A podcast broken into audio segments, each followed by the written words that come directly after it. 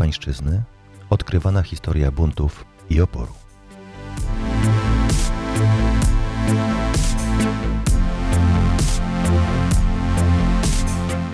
Portal o historię EU zaprasza Państwa na relację wideo i podcast ze spotkania online z doktorem Michałem Rauscherem, etnologiem, antropologiem i kulturoznawcą, autorem książki Bękarty Pańszczyzny, wydanej przez wydawnictwo RM. Spotkanie odbyło się 29 stycznia 2021 roku o godzinie 16 w ramach cyklu otwartych debat i seminariów humanistycznych portalu o historię EU. Rozmowę przeprowadziła dr habilitowana Ewa Solska z Instytutu Historii UMCS w Lublinie oraz portalu o historię EU. Realizacja wideo i podcastu dr habilitowany Piotr Witek, Instytut Historii UMCS oraz portal o historię EU.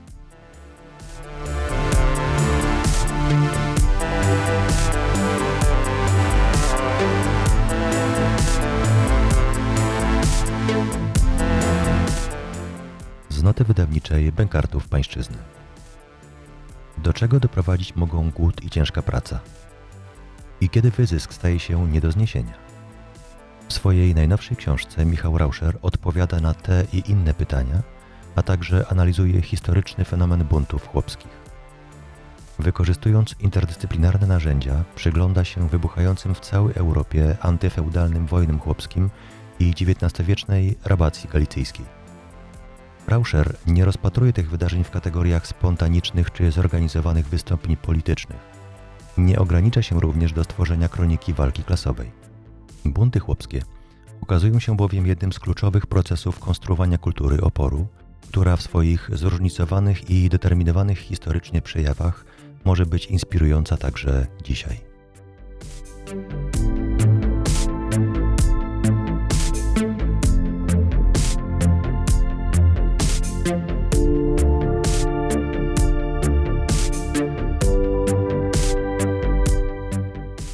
Oto pierwsza w naszym cyklu odsłona badań nad historią ludową w Polsce, kulturowa historia buntów chłopskich z uwydatnieniem perspektywy antropologicznej.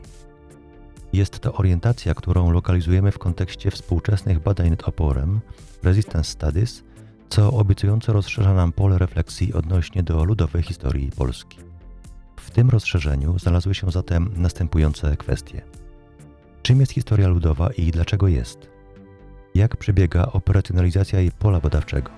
Czy na jej dyskurs można patrzeć jak na projekt humanisty zaangażowanego w perspektywie nowej humanistyki? A w związku z tym, jak rozważnie go sytuować względem polityki historycznej i polityki pamięci?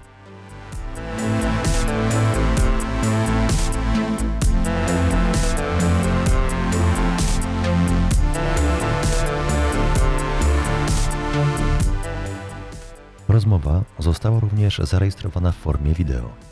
Można ją obejrzeć na portalu o historii EU pod linkiem zamieszczonym w opisie audycji. Zapraszamy Państwa do słuchania i oglądania. Zachęcamy także Państwa do odwiedzania naszego portalu www.ohistorie.eu i lektury zamieszczonych na nim artykułów, wywiadów i opinii.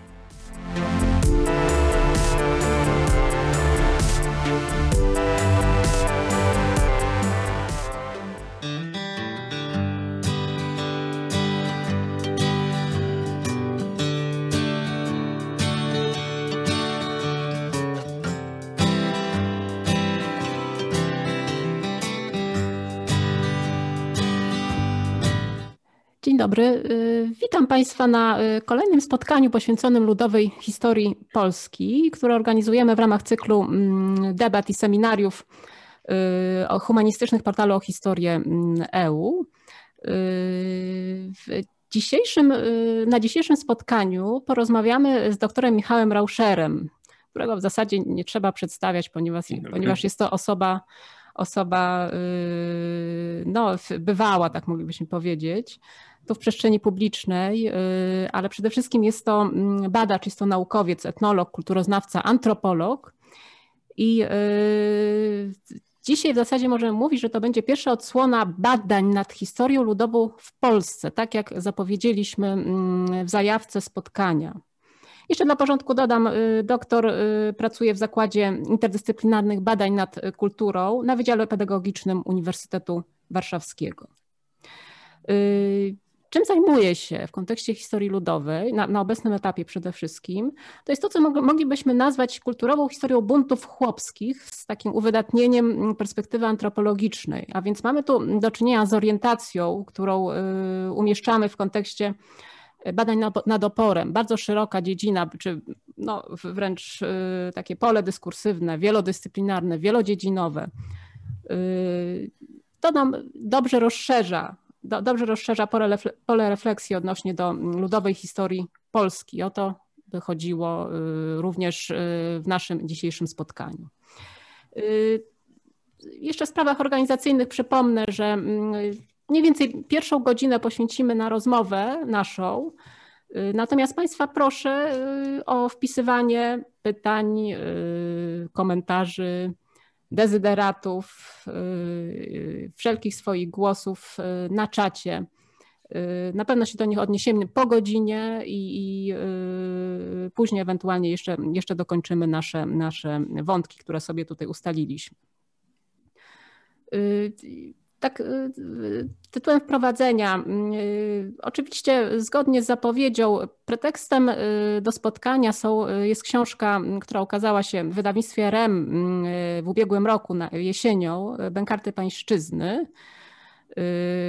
Ja to nazwałam tak wstępnie projektem zaangażowanym humanisty, nowego humanisty czyli mamy tu perspektywę nowej humanistyki i w tym kontekście właśnie porozmawiamy sobie o tym głównym wątku, który badawczo, y, którym badawczo zajmuje się pan doktor, czyli badania nad oporem po prostu chłopskim, y, także w odniesieniu do polityki historycznej, polityki pamięci obecnej, y, w kontekście też takiej mitologizacji, ideologizacji, polityzacji, symbolizacji, właśnie w jaki sposób tutaj y, odnosić się do tego y, tak z rozwagą, prawda, żeby y, dyskurs rozwijał się także nie tylko w sensie badawczym, ale i w przestrzeni public history, public humanities, którym również doktor bardzo jest, jest postacią rozpoznawalną niewątpliwie.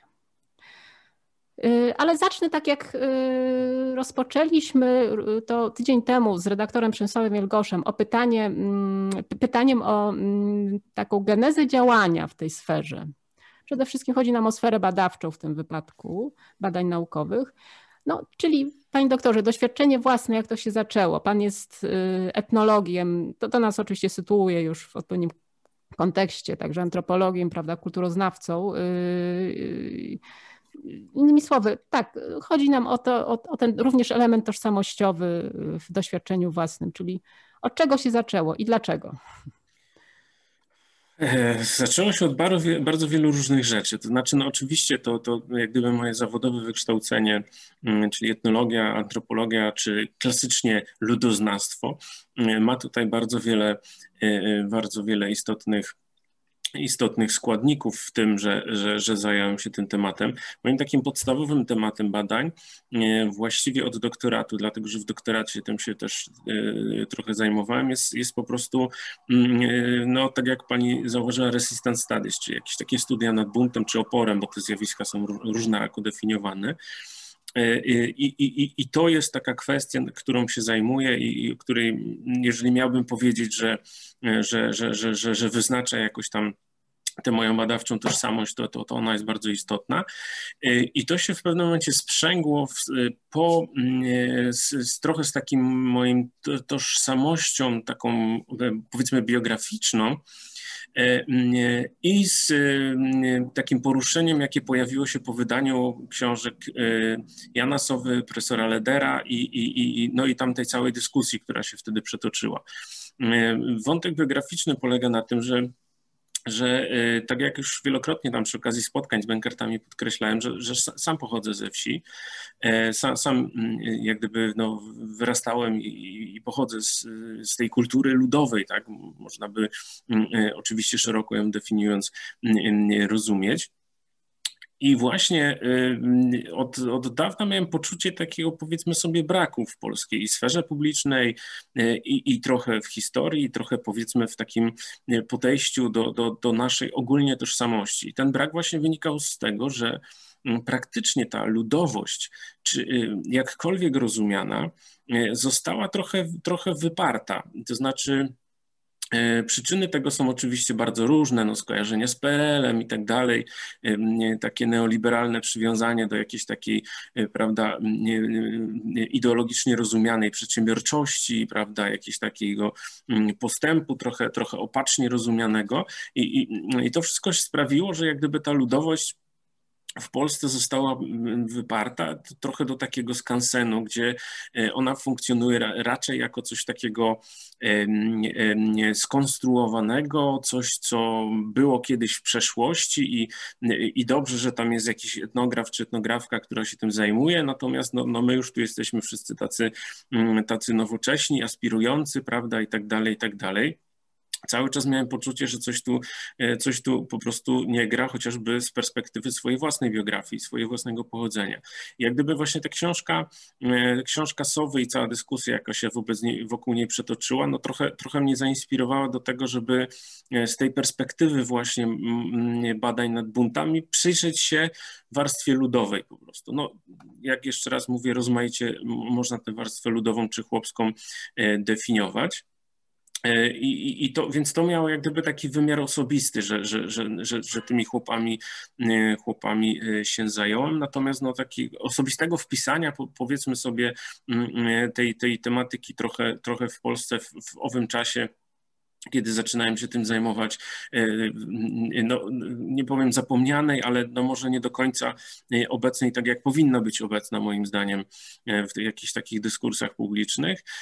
No i stąd, stąd pojawił, się, pojawił się ten temat. Zauważyłem też, że po prostu brakuje takiej książki, która by te bunty chłopskie w okresie pańszczyźnianym jakoś systematyzowała być może, w ogóle analizowała je, no bo mm, jeżeli popatrzymy na przykład y, takie potoczne, potoczna opinia jest taka, że, że, że, że, że takich właśnie na zachodzie mieli, mieli tam prawda te bunty, wszystkie mm, y, wielkie chłopskie wojny mm, y, w Niemczech, prawda, żakeria, prawda, różne takie powstania gdzieś tam na zachodzie Europy, natomiast w Polsce takiego czegoś nie było. No i, no ale jak się temu przyjrzeć, no to mamy tak, no Wielkie Powstanie Chłopskie towarzyszące Powstaniu Chmielnickiemu.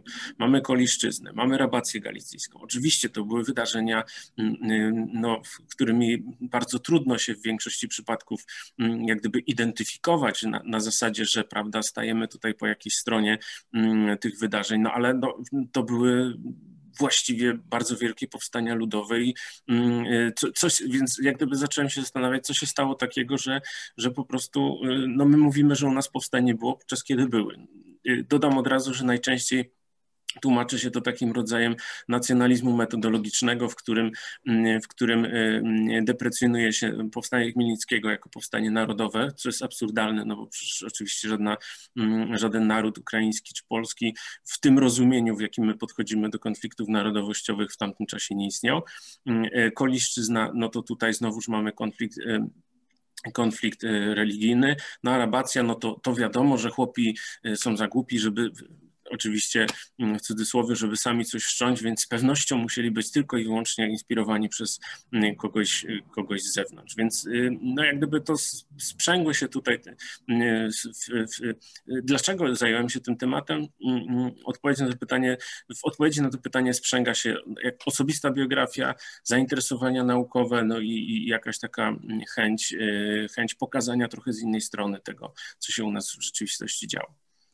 Y, to świetny był ten wątek ostatni, o którym Pan powiedział. Rzeczywiście y, po kolei te wydarzenia, prawda? Czyli y, bunt chłopski, czy, czy wręcz rewolta chłopska w ramach powstania Chmielnickiego.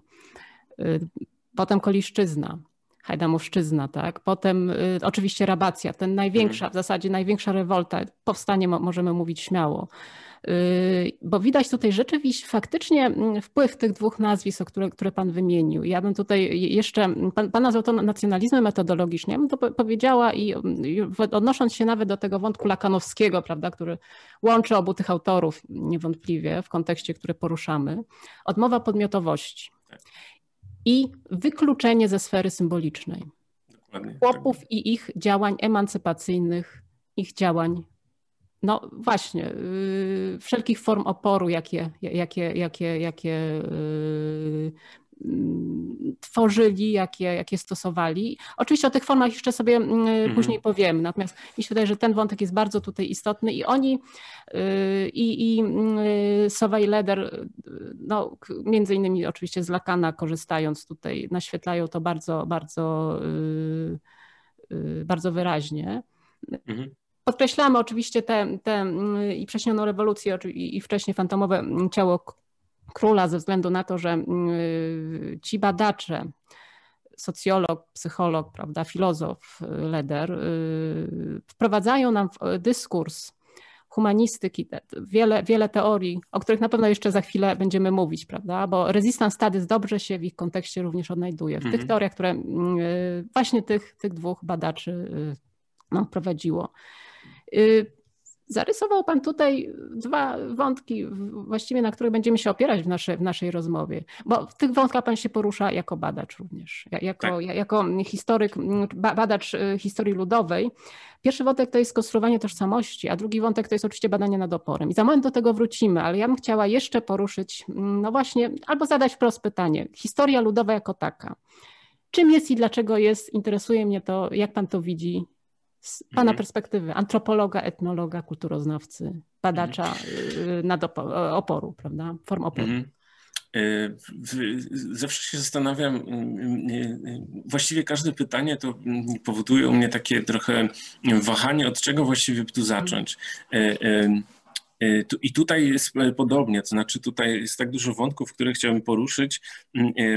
To znaczy, wydaje mi się, że generalnie historia ludowa Y, czy, czy zaangażowana, czy niezaangażowana, czyli te wszystkie nurty tak zwanej historii from, from below, czy właśnie historii ludowej, mm, są o tyle ważne, że one nam pokazują, co właściwie dzieje się, y, jak, jak, z jakiego rodzaju dynamiką mamy do czynienia wśród najczęściej 90% y, ludności na danym terytorium. Tak? No bo zwróćmy uwagę, że że jeżeli mamy na przykład, nie wiem, historię idei, y, mamy historię taką no, polityczną, tak zwaną historię polityczną mm, i tak dalej, i tak dalej, to ona do, dotyczy tego, w jaki sposób funkcjonowały te, te górne warstwy społeczeństwa. Y, jeżeli mamy historię idei, no to są jakieś osoby wykształcone, prawda, i tak dalej, i tak dalej. E, e, w jaki sposób funkcjonowały te górne warstwy społeczeństwa, na jakich zasadach e, one konstruowały swoją racjonalność, na jakich zasadach, nie wiem, rządziły całym społeczeństwem na jakich zasadach podchodziły do tego 80 czy 90% pozostałej części społeczeństwa i tak dalej, i tak dalej. Natomiast jeżeli popatrzymy na historię ludową, to, to lud y, zasadniczo y, najczęściej y, opiera swoje myślenie i swoje funkcjonowanie w świecie na nie, nie całkiem innych wartościach, normach, stylach życia i, i, mm, i, i racjonalnościach, ale jednak trochę innych. E, no, przykładem są tutaj e, e, badania nad folklorem, to znaczy etnograficzne czy mhm. jakiekolwiek. Więc jeżeli z, mamy z jednej strony taką standardową historię polityczną, w której są, nie wiem, dowódcy, politycy podejmujący decyzje, jakaś grupa intelektualistów, która tam, prawda, debatuje nad czymś i tak dalej, to oni się opierają na pewnej swoistej racjonalności, która ukształtowała się najczęściej w świecie zachodnim gdzieś tam w XIX wieku, prawda? Natomiast zwyczajni ludzie, którzy, którzy no nie biorą udziału w tej racjonalności y, z różnych powodów, no bo jeszcze nie mamy do czynienia z powszechną edukacją, a nawet jak mamy, to też nie jest przecież mm, powiedziane, że wszyscy nagle są, prawda, wszystkie decyzje podejmują w oparciu o logikę i racjonalność, no to trzeba się zastanowić, na jakiej zasadzie ci, ci zwykli ludzie, którzy nie funkcjonują w tym obszarze tej racjonalności, budują swoją wizję świata, w jaki sposób się w tym świecie odnajdują i tak tak. I, i to okazuje się być trochę różne od tego, od tego, co, co, co, co, co robi to 10, to górne 10% społeczeństwa. No i teraz pytanie brzmi, mm, mm, jeżeli my de facto nie wiemy, co się dzieje wśród mm, tego 90% społeczeństwa, na jakich zasadach te, te 90% społeczeństwa buduje swoją wizję świata, e, e, jakie, jakie znaczenia nadaje światu, jak rozumie świat i tak dalej, i tak dalej, to, to my właściwie bardzo mało wiemy, tak? I wydaje mi się, że to się stosuje zarówno do historii, jak i do czasów współczesnych. Można tutaj oczywiście oczywiście mnożyć mnożyć przekłady, ale zwróćmy uwagę, że zasadniczo człowiek przecież nie opiera się w swoich decyzjach codziennych na logice, na racjonalności, e, na prawda, jakimś takim naukowym oglądzie rzeczywistości, tylko opiera się na różnego rodzaju innych sposobach podejścia do tego. Nie chcę tutaj powiedzieć irracjonalnych, bo to by jak gdyby dezawuowało je, no ale, no ale no nie wiem, na opiniach innych, na opiniach kształtowanych, na, na, na plotkach, prawda, na, na swoistym humorze, tak, i tak dalej. No, jakość towaru, mm, mm, jakość towaru jest oceniana, prawda, w jakiejś grupie osób, które, które jakoś się zna i rozmawia z sobą, że tam jest marchewka lepsza na straganie, a tam jest, a tam jest gorsza, prawda, i to wtedy nie polega na wybór takiej marchewki, przepraszam za taki e, dość banalny przykład, ale nie polega wtedy na, na tym, że ktoś ocenia racjonalne, mm, e, racjonalne i logiczne argumenty za jednym i za drugim, czy dokonuje jakiegoś badania, która marchewka jest lepsza, tylko opiera się wtedy po prostu na jakiejś opinii, e, na jakiejś opinii, która jest kształtowana w inny sposób, nie, nie na podstawie prawda, jakiejś racjonalności czy badań. No i, jeżeli my nie, nie, będziemy wiedzieć, jak to funkcjonuje, no to my tak naprawdę bardzo mało właściwie będziemy wiedzieć, czy z historii, czy z współczesności, tak? No, pan oczywiście zakreślił bardzo, bardzo ważny problem, o którym mówimy no już od, od, dość długiego czasu, że y, ta perspektywa historii monumentalnej, która tak czy inaczej przeważa w Polsce, jeżeli chodzi o historię polityczną przede wszystkim. No tak, ile ona nam zabiera, to jest z jednej strony. I ta mikrohistoryczność, czyli to from below, jak pan wspomniał, mhm. no jest tu jedną z kluczowych cech zwrotu ludowego, jak, jak, moglibyśmy powiedzieć, e, w samej humanistyce, badaniach humanistycznych. Ale jest jeszcze jeden wątek, który też pan e, poniekąd tutaj pośrednio, o który pan pośrednio tutaj zahaczył. Taka heglowska, powiedziałabym, formuła rzeźni historii, to się odnosi do źródeł. Ją sparafrazował Franco Moretti w, w formule rzeźnia literatury. On mówił, no właśnie tam 80 czy 90% produkowanej literatury różnego typu. Mhm. Od no, wszelkich źródeł, prawda? No wiadomo, dla historyków źródłem jest wszystko, ale chodzi o źródła pisane, tworzone przez warstwy czy klasy niższe, przepadają zupełnie, tak. bo one się nie nadają do archiwizacji. Oczywiście decydują o tym warstwy, no te wyższe, wyższe mhm. prawda? To jest podstawowy problem tutaj, prawda? Y, jeżeli chodzi o, o historię ludową. Mhm. Tej rzeźni historii również w odniesieniu do, do, do no cóż, zasobów źródłowych po prostu na czym bazujemy. Mhm. To jest, to jest zasadniczy problem. Ja nawet miałem e, kilka razy z, z kolegami historykami dyskutowaliśmy na ten problem, na, na ten temat, dlatego że mm, no, w, w, warsztacie historyka istnieje takie dość poważne mm, podejście do weryfikacji źródeł, do, do sprawdzalności tego, co tam się dzieje i tak dalej. Natomiast w przypadku historii ludowej tego się najczęściej nie da zrobić. E, ale jest tutaj parę takich, y, powiedzmy sobie, sposobów, które mogą nam wskazać pewne tropy, bo Zwróćmy uwagę, na przykład, jak się podchodzimy do folkloru, prawda, że folklor, no to tam są jakieś, tam, przepraszam, przyśpiewki, tak, jakieś bajki i tak dalej, i tak dalej. E, znakomity tekst Piotra Bogateriewa i Romana Jakobsona, który doskonale pokazał, jak mocnym źródłem historycznym może być folklor. Oni obaj stwierdzili, że jeżeli mamy do czynienia ze źródłami pisanymi, to, to, to są najczęściej źródła autorskie, tak? Czyli one mają jakiegoś jednego, jednego czy kilku autorów, prawda? Mm, I, I tam mamy do czynienia z tym, że nawet jeżeli to jest nie wiem, jakiś dokument rządowy czy coś takiego, no to tam wchodzą w, w, w, grę te wszystkie dynamiki, które wiążą się po prostu z byciem autorem czegoś, tak? Z, z jakąś indywidualną perspektywą i tak dalej, i tak dalej. Oni natomiast zwrócili uwagę, że folklor y, y, y, działa tylko i wyłącznie wtedy, jeżeli jest przyjęty przez całą grupę. To znaczy, jeżeli coś w grupie funkcjonuje jako na przykład przyjęta przez nich przysłowie czy przyśpiewka ludowa, to znaczy, że reprezentuje jak gdyby specyficzny sposób widzenia świata przez tą grupę w danym w jakimś tam danym momencie, tak? To znaczy w folklorze po prostu indywidu- coś, co jest indywidualne y, się nie przyjmuje. Tam w folklorze występują tylko rzeczy, które są kolektywne. Więc jeżeli coś jest zarejestrowane jako żywa w swoim czasie przyśpiewka ludowa y, na danym obszarze, to znaczy, że ludzie y, grupa ludzi, która, wśród której ten folklor funkcjonował, w ten sposób patrzyła na rzeczywistość. I po prostu w folklorze nie przyjmuje się nic, co, co dana grupa nie uznałaby za reprezentatywne dla niej, za odpowiadające jej mm, sposobowi postrzegania świata, jej sposobowi, nie wiem, e, śmiania się, prawda, budowania przyjemności itd., tak itd. Tak Więc w ten, w ten sposób jak gdyby zarejestrowany folklor, o ile jest zarejestrowany z danego czasu, jest, jest, wydaje mi się nawet lepszym źródłem niż, niż jakieś tam indywidualne sprawozdanie. Dlatego, że na przykład jeżeli, nie wiem, wyobraźmy sobie nawet taką niemożliwą sytuację, że gdzieś na wieś tam, prawda, w XIX wieku cofa się mm, w czasie jakiś świetny socjolog czy etnograf i pyta tych ludzi o ich zwyczaje, obrzędy, no to ci ludzie, mm, tutaj jeszcze wchodzi w to, że ci ludzie mają wtedy do czynienia z, z kimś, kto reprezentuje władzę więc najprawdopodobniej w jakiś sposób będą konfabułować i tak dalej, i tak dalej. Nie? Natomiast jeżeli uda nam się z jakiegoś stopnia z, zarejestrować ich folklor, to wtedy będziemy mieć to, co, to, to, to, to, to czym ci ludzie żyli i, i, w jaki sposób konstruowali swoje myślenie o świecie, dlatego że w folklorze przyjmuje się tylko co, co dana grupa ludzi uważa za reprezentatywne dla jej obrazu świata. Więc jak gdyby ta kwestia źródeł e, e, w przypadku historii ludowej jest niesamowicie ważna. To znaczy, mm, w historii ludowej bardzo często jest tak, że my nie, nie, będzie, nie mamy i nie będziemy mieć dobrych źródeł. To trzeba wszystko. E, James C. Scott, e, na którego oparłem właściwie większość mojej pracy w książce, która się ukaże niebawem w Sile Podporządkowanych, tak.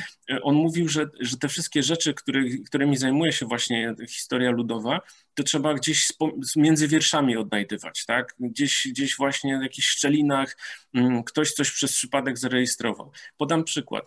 Mamy relacje oczywiście podróżników skądś tam e, do, do Polski. Jest e, Hubert Wautrim, taki, e, taki podróżnik. On zarejestrował, że zaobserwował dziwną rzecz, że jacyś chłopi, prawda, w pięciu podnoszą pustą beczkę.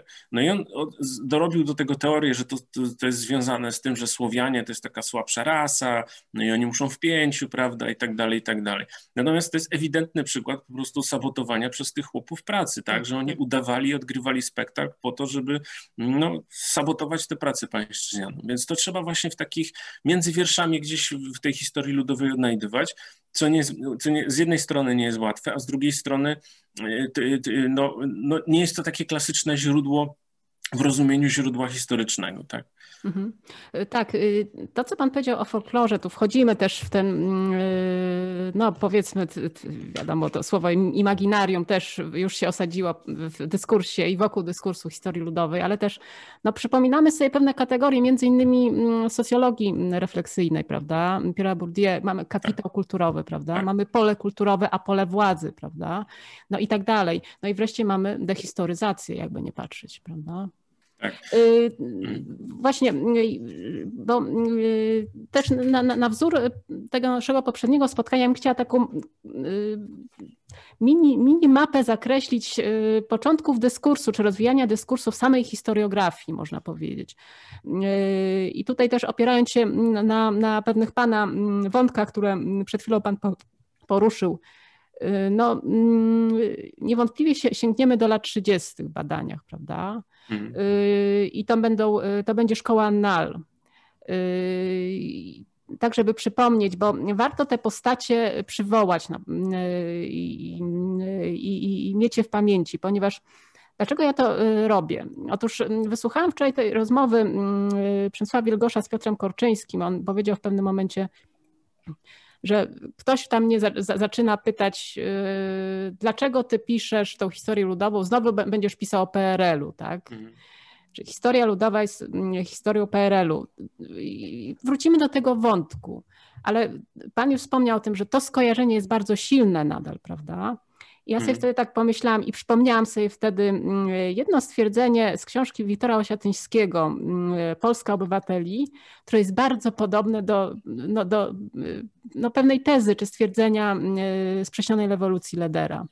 Mianowicie, jeżeli chcesz w ogóle zrozumieć PRL, to wyobraź sobie uprzemysłowiony folwark, Mhm. prawda? Mhm. Wyobraź sobie uprzemysłowiony folwark, ale jak sobie wyobraź?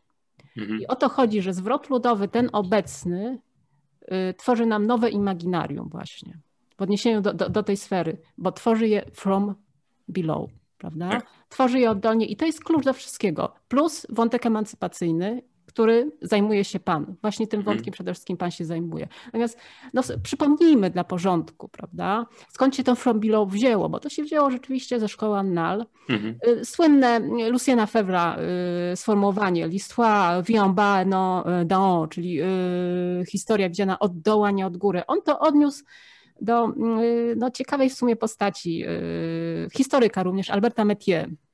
Mhm. Albert Metier, y, sam zresztą często powtarzał, jest z rodziny chłopskiej. Był historykiem, y, był y, przede wszystkim zajmował się rewolucją francuską. On na świecie zasłynął tym, że jako jeden z pierwszych bardzo mm, mocno bronił Robespiera, prawda? Natomiast on stworzył ekonomiczną i, i społeczną historię rewolucji francuskiej. Mhm. I to właśnie zauważył Febvre. Mhm.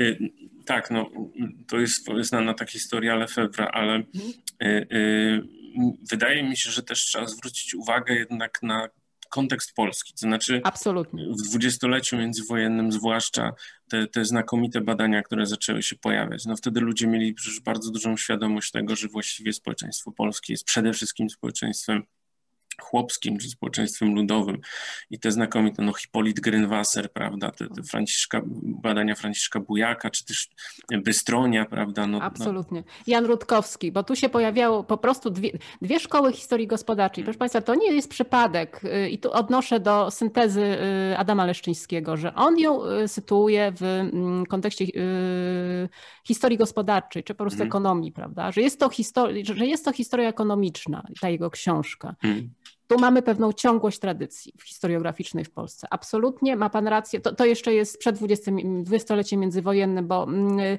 właściwie te początki historii gospodarczej w Polsce, rocznik, prawda? Rocznik y, dziejów społecznych i gospodarczych y, w analogii do analistów, do anale. Mhm. Y, Franciszka Bujaka Jana Rutkowskiego tworzyły te podstawy absolutnie dyskursu o historii wiejskiej także, prawda? Historii, mm, wieś w folwarku, to zwłaszcza w szkole poznańskiej to było, ale z drugiej strony mamy przecież socjologię. No wiadomo, Znaniecki, chłopskie, tak. to z jednej strony i te konkursy, które Znaniecki organizował, Tak. prawda? Tu ciekawy wątek zresztą y, Jakuba Wojciechowskiego i jego relacji z bojem, prawda? Którego Mhm. go rzeczywiście poznał dzie- dzięki temu, temu pierwszemu chyba konkursowi Pamiętniki Bezrobotnych, prawda? Tak. Który wyg- wygrał. I to ta, ta ciekawa historia rzeczywiście tej relacji, prawda? No, zi- postziemianina, tak moglibyśmy powiedzieć, intelektualisty y, ówczesnego i, i, i no chłopa i robotnika, prawda? Tutaj i inna historia zupełnie też, ale, ale ba- bardzo ciekawy wątek. Natomiast y, no Znaniecki, twórca jednak Polskiej Szkoły Socjologicznej, no wiadomo, no, trudno, trudno nie wspomnieć o chłopie polskim, prawda? Chłop polski w, Mhm. w, Polsce, w Europie i w Ameryce. No, oczywiście praca y, tworzona z Williamem Thomasem, y, ona chyba po raz pierwszy wyszła po angielsku w 1918 Chicago. roku, Mhm. prawda, w Chicago. I potem kilka lat później pokazało się wydanie polskie. Jasne, i tu bardzo wiele osób moglibyśmy wymieniać jeszcze z dwudziestolecia międzywojennego, ale ja mm, wspomnę dwie osoby. Maksymiliana Melocha, Mhm. sprawa włościańska w powstaniu Tak. listopadowym. To, co on tam ciekawie zrobił, to to, że mm, właściwie tak uparł się przy jednej tezie, że chłopi dobrze wiedzieli, co się dzieje na tym Sejmie w Warszawie. I dobrze E, wiedzieli, co się mhm. stanie, prawda? On próbował pokazać, y, właściwie to chyba y, doktor y, Kacper Pobłocki y, y, chyba nazwał to w jednej z rozmów, o ile sobie przypominam, mm, historią szeptaną. Mhm. Tak, tak. Oni między tak, sobą dysk- dyskutowali Mhm. właśnie, mamy ten, ten Sejm warszawski y, 1931, prawda, i wiem jakie były efekty. Wyszła jakaś tam ustawa uwłaszczeniowa, ale nie, nie, nie, nie, nie, nie dotycząca majątków prywatnych oczywiście, tylko Mhm. skarbówki, skarbowych, czyli nic w zasadzie się nie zmieniło, prawda. I te ich argumenty oczywiście, że chłopi nie możemy im dać, bo są niedojrzali, bo wszystko przepiją, bo sprzedadzą Żydowi i tak dalej. Prawda? Do to, dzisiaj to słyszymy, prawda? Tak jest, tak jest. To się zgadza, prawda? No dzisiaj jak na to patrzymy, jasne. Natomiast to, co Meloch pokazuje, że oni, ci chłopi wiedzieli, co się, co się tam dzieje, jak to się skończy, prawda? To, to... Mhm. Mhm. Ja tylko jeszcze powiem, bo my po prostu bardzo często zapominamy, że kto był służącym w, w ramach tych obrad sejmowych, kto dowoził y, panów na mm, obrady, y, kto był stangretem, kto był koniuszym, kto sprzątał, kto przygotowywał posiłki, kto dostarczał posiłki, kto dostarczał produkty na posiłki i tak dalej. Przecież oni, to, to byli chłopi, oni mieli uszy wtedy, prawda? Oni, oni doskonale słyszeli. Dokładnie tak, dokładnie tak. Ja bym powiedziała, Pobłocki to nazywa historią szeptaną, powiedziałam to polityką szeptaną. Tak. I moim mhm. zdaniem y, polityczność chłopów w zasadzie rodzi się w takich momentach powoli, prawda? Tak. Że oni no, czują się oczywiście tym podmiotem wykluczonym, prawda? Yy, czując, że mogliby być tym podmiotem. I teraz nas zawsze w szkole uczono, no, no właśnie ci chłopi dezerterowali, prawda? Nie chcieli tutaj walczyć w tym powstaniu i tak dalej, ale co, co, czemu się dziwić, skoro decyzje, jakie podjęto na tym Sejmie Warszawskim były takie, że oczywiście e, to pospolite ruszenie, obowiązkowa służba wojskowa. Z tego zwolnieni byli oczywiście szlachta, wójtowie i tym podobne, prawda? Tak. I ci chłopi po prostu rozsądnie zadawali sobie pytanie, za co my mamy umierać? Za nich mamy umierać? Kiedy nawet nie są nam w stanie dać kawałka ziemi, prawda? I podjąć tak. tę decyzję. Tym bardziej, że mamy nich umierać. Mhm. dla nich Polska przez, od XVI wieku się kojarzyła, kojarzyła z pańszczyzną. Szlachta, im, szlachta wytworzyła sobie koncepcję tak zwanego narodu polskiego, szlacheckiego e, i ona twierdziła, że to oni są Polakami i Polak ma prawo wyboru króla, Polak ma różnego rodzaju przywileje, a chłopi nie są tak, Polakami, tak? tak? tak Więc tak nie mieli żadnej identyfikacji narodowościowej. Że, że, że... Ja jeszcze do tego wątku wrócę, yy, ponieważ no, to, to, jest oczywiście ten kontekst tożsamościowy i jeszcze no, no wrócimy do, do, do, do, tego y, wątku. Natomiast ja jeszcze chciałam yy, przypomnieć jedną osobę yy, z tego dwudziestolecia międzywojennego, socjolożkę i historyczkę Ninę Asoro-Dobraj-Kule. Mhm. Ona napisała w 1935 roku doktorat notabene pod promocją yy, Stefana Czarnowskiego. Mm. Yy, początki klasy robotniczej, problem rąk roboczych w przemyśle Polski epoki Stanisławowskiej. No jest to jedna z takich y, rzeczywiście prac, yy, można powiedzieć też fundamentalnych absolutnie. Tam jest wiele fajnych wątków. Tam się na przykład, o, ludzie luźni, ja po raz pierwszy tak. się w ogóle o pojęciu dowiedziałam właśnie z tej książki, prawda, że, że no jest taki, takie zagadnienie, prawda, hmm. że byli tacy i on, ona analiz, analizowała między innymi to. No właśnie. Yy, natomiast no po wojnie oczywiście historia gospodarcza nasza jest, to jest mocna strona naszej historiografii. Mm. To przecież no nie, nie można tego tak. pomijać. To, to jest Kula, to jest Małowis, tutaj w kontekście Wallersteina się pojawia przecież to mm. nazwisko, prawda? Wyczański, Józef Burszta tutaj, y, tak. taki no, temat typu wieś i, i kaczma, prawda? No, y, I tego typu wątki. Książka. Znakomita mhm. książka, oczywiście. No Ziejka, Łebkowski. Pan wspomina oczywiście o Stefanie Kieniewiczu, prawda? Tak.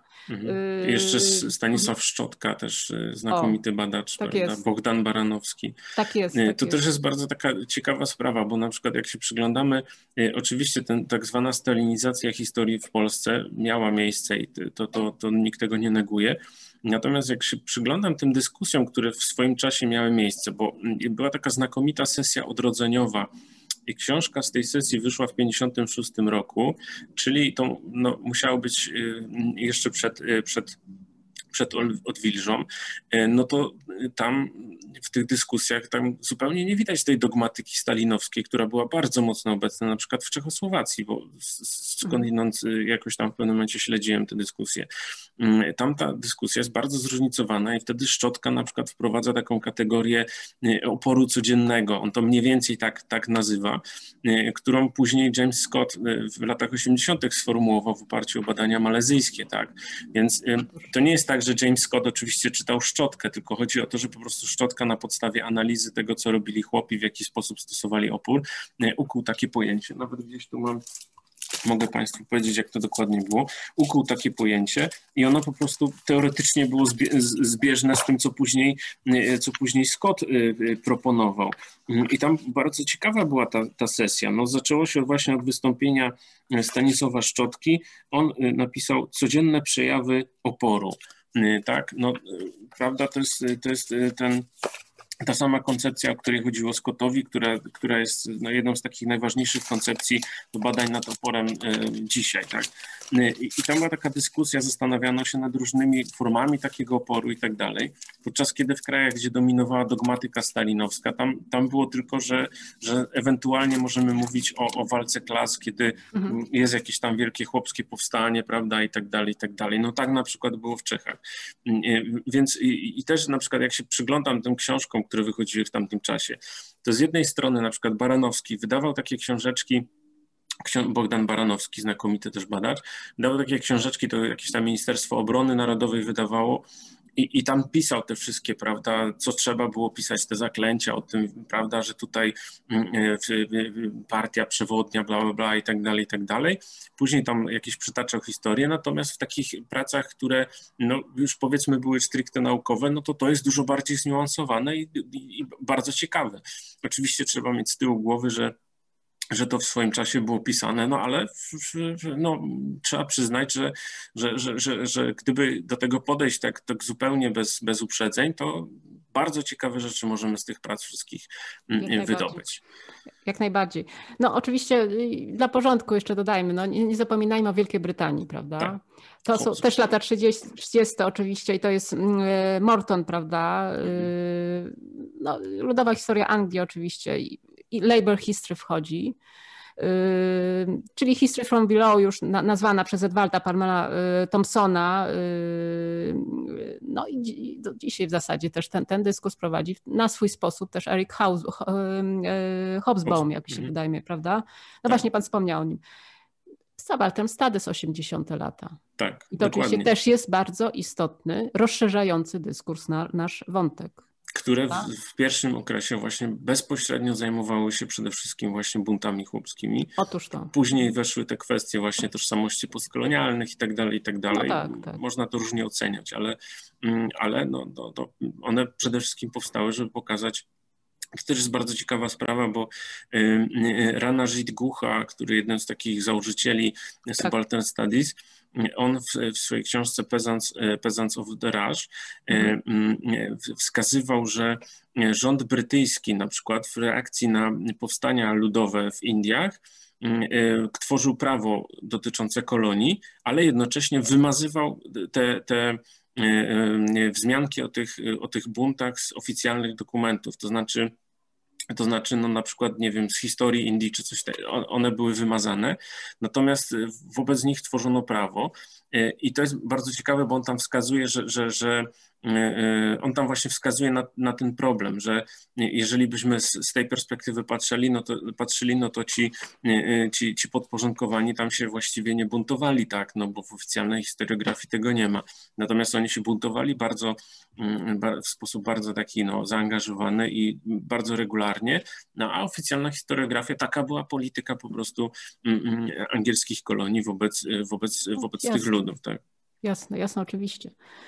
Panie doktorze, mm, wróćmy jeszcze raz, jeszcze, jeszcze raz do, do tej kwestii toż, y, konstruowania tożsamości. Ja to y, z kilku powodów chciałabym y, poruszyć. Między innymi dlatego, że no, badanie nad tożsamością to też jest mocna strona polskiej socjologii, przynajmniej od mhm. lat 60.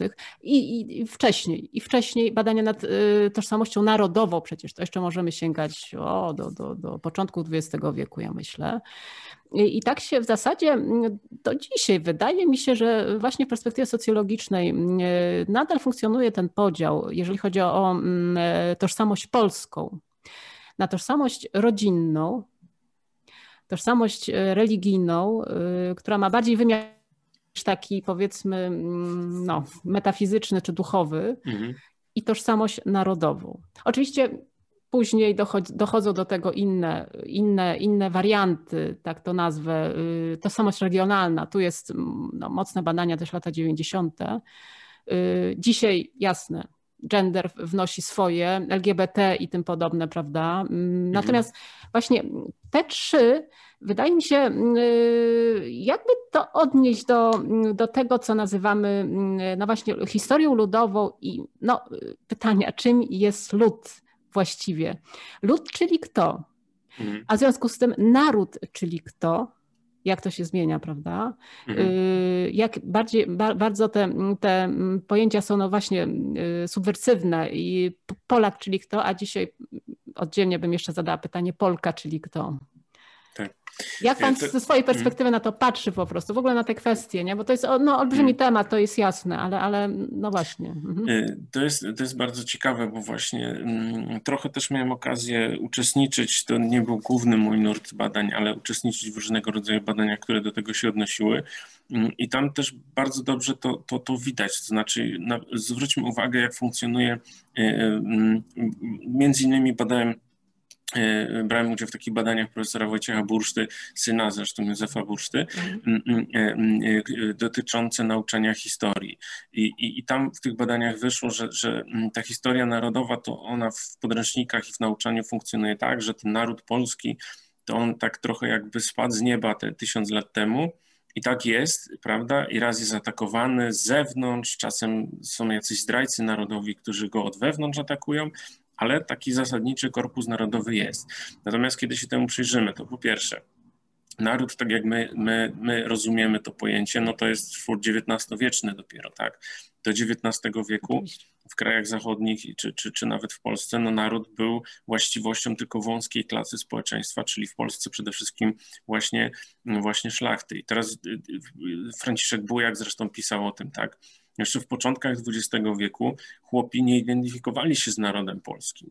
To dopiero był proces y, mm, trochę uczenia ich, czy częściowo narzucania, częściowo uczenia tego po odzyskaniu niepodległości w, za pomocą edukacji, oczywiście no, no, różnego rodzaju tego, tego typu polityk. Natomiast... przepraszam, że wtrącę, a, a, nie, a nie wcześniej. No, y, między innymi fajnie, wydaje mi się, wydobywa to Wiktor Marzec. To jest hmm. 1905 rok i 905. to ich uczy, to ich uczy etniczno, etnicznej polskości. No, endecja, trzeba to tak, oddać, prawda? Tak, tak, trzeba tak. to oddać. Mhm. Y, y, tak, tak. Książka, no, zresztą znakomita książka Wiktora Marca, hmm. to, to fajnie pokazuje 905, tylko że to jest też jak gdyby obszar pewien, tak? Mm, y, to też jak gdyby mm, parę razy przy okazji badań etnograficznych wychodziło, że jeżeli my na przykład mamy przekazy pisane chłopskie z XIX wieku, to one dotyczyły przede wszystkim osób, które mm, no, już jakoś tam się rozpoznawały jako, jako Polacy. Tak? No, Jan Słomka i tak dalej nauczył się czytać, czytał tę prasę, która najczęściej właśnie była taka narodowotwórcza, tak byśmy sobie powiedzieli, więc to nie do końca oddawało prawda, to, co się właściwie wśród chłopów, mm, wśród chłopów działo. To znaczy te procesy narodowościowe one już wcześniej zachodziły tam mm, przy okazji wystawy w Lwowie końcem XIX wieku, pojawi, zaczęły pojawiać się różnego rodzaju święta, gdzie działacze ludowi jak gdyby uczyli e, chłopów, że, że, że też są Polakami. No, no, no, to jest jak gdyby bardzo złożony proces. Natomiast no, my nie do końca też sobie uświadamiamy, że, że to nie jest tak, że my jako naród to spadliśmy, prawda, tysiąc lat temu z nieba i, i tak trwamy, tylko że to jest dużo bardziej złożone i właściwie no, od niedawna historycznie rzecz biorąc, my wszyscy możemy się z tym narodem identyfikować. Mm, tym bardziej jeszcze, że My w Polsce mieliśmy to, z taką specyficzną sytuacją, że mm. to, to, to, co pisał Sowa o fantomowym ciele króla, że, że tego de facto tego króla nie, nie, nie było, tak? Więc szlachta wytworzyła koncepcję narodową, która była tworzona i jak gdyby nasycana takimi wartościami, które dla tej grupy były istotne. I teraz w momencie, kiedy pojawiły się te procesy narodowościowe końcem XIX wieku, początkiem XX, to z jednej strony mamy takie nabywanie tej tożsamości narodowej w rozumieniu takim XIX-wiecznym, ale z drugiej strony bardzo dużo tam różnego rodzaju wartości i tego powiedzmy nasycenia szlacheckiego chłopi przejmowali z tym. E, jeżeli czytamy pamiętniki chłopów, to oni na przykład, tam bardzo często jest taki działacz, e, działacz e, Arek Bożka z, z Opolszczyzny, wspominał, że on na Sienkiewiczu, prawda, dzięki Sienkiewiczowi odkrył, że jest Polakiem. Nomen omen czytał tego Sienkiewicza po niemiecku. I, i, I Sienkiewicz niesie z sobą pewnego rodzaju wartości, pewne, pewnego rodzaju postrzeganie postrzeganie historii, pamięci i tak dalej, i tak. Y, w którymś tam tekście ja to nazywałem właśnie trochę protezą pamięciową, bo mamy do czynienia z taką sytuacją, w której mm, no, w związku z skojarzeniem pańszczyzny z polskością wśród chłopów, w rabacji galicyjskiej chłopi wyraźnie mówili, pan, pan to Polak, to pańszczyzna, tak? I, I, zabijali, prawda, czy bili panów i Polaków. Mm, więc y, chłopi musieli zapomnieć tego skojarzenia y, polskości z pańszczyzną i na to miejsce wstawić na jakieś inne rozumienie y, polskości, które no, mi się wydaje, że to, to jest Oczywiście rzecz, którą należałoby zbadać, ale tak, tak. to trochę, ta, ta, ta, endecka Polska, mm, no to trochę tu dobrze się w to wpisywała, jak gdyby. No, no ona tutaj mamy, mamy taką zbieżność i, i wydaje mi się, że to jest, to jest przyczyna tego sukcesu właśnie mm, endeckiego rozumienia polskości w momencie, kiedy ona zaczęła się kształtować. No ale panie doktorze, dokończmy to, ten wątek. Mm niechęć do ziemian, na co, się, na co została przeniesiona i to bardzo świadomie zrobiła Endecja. Mm.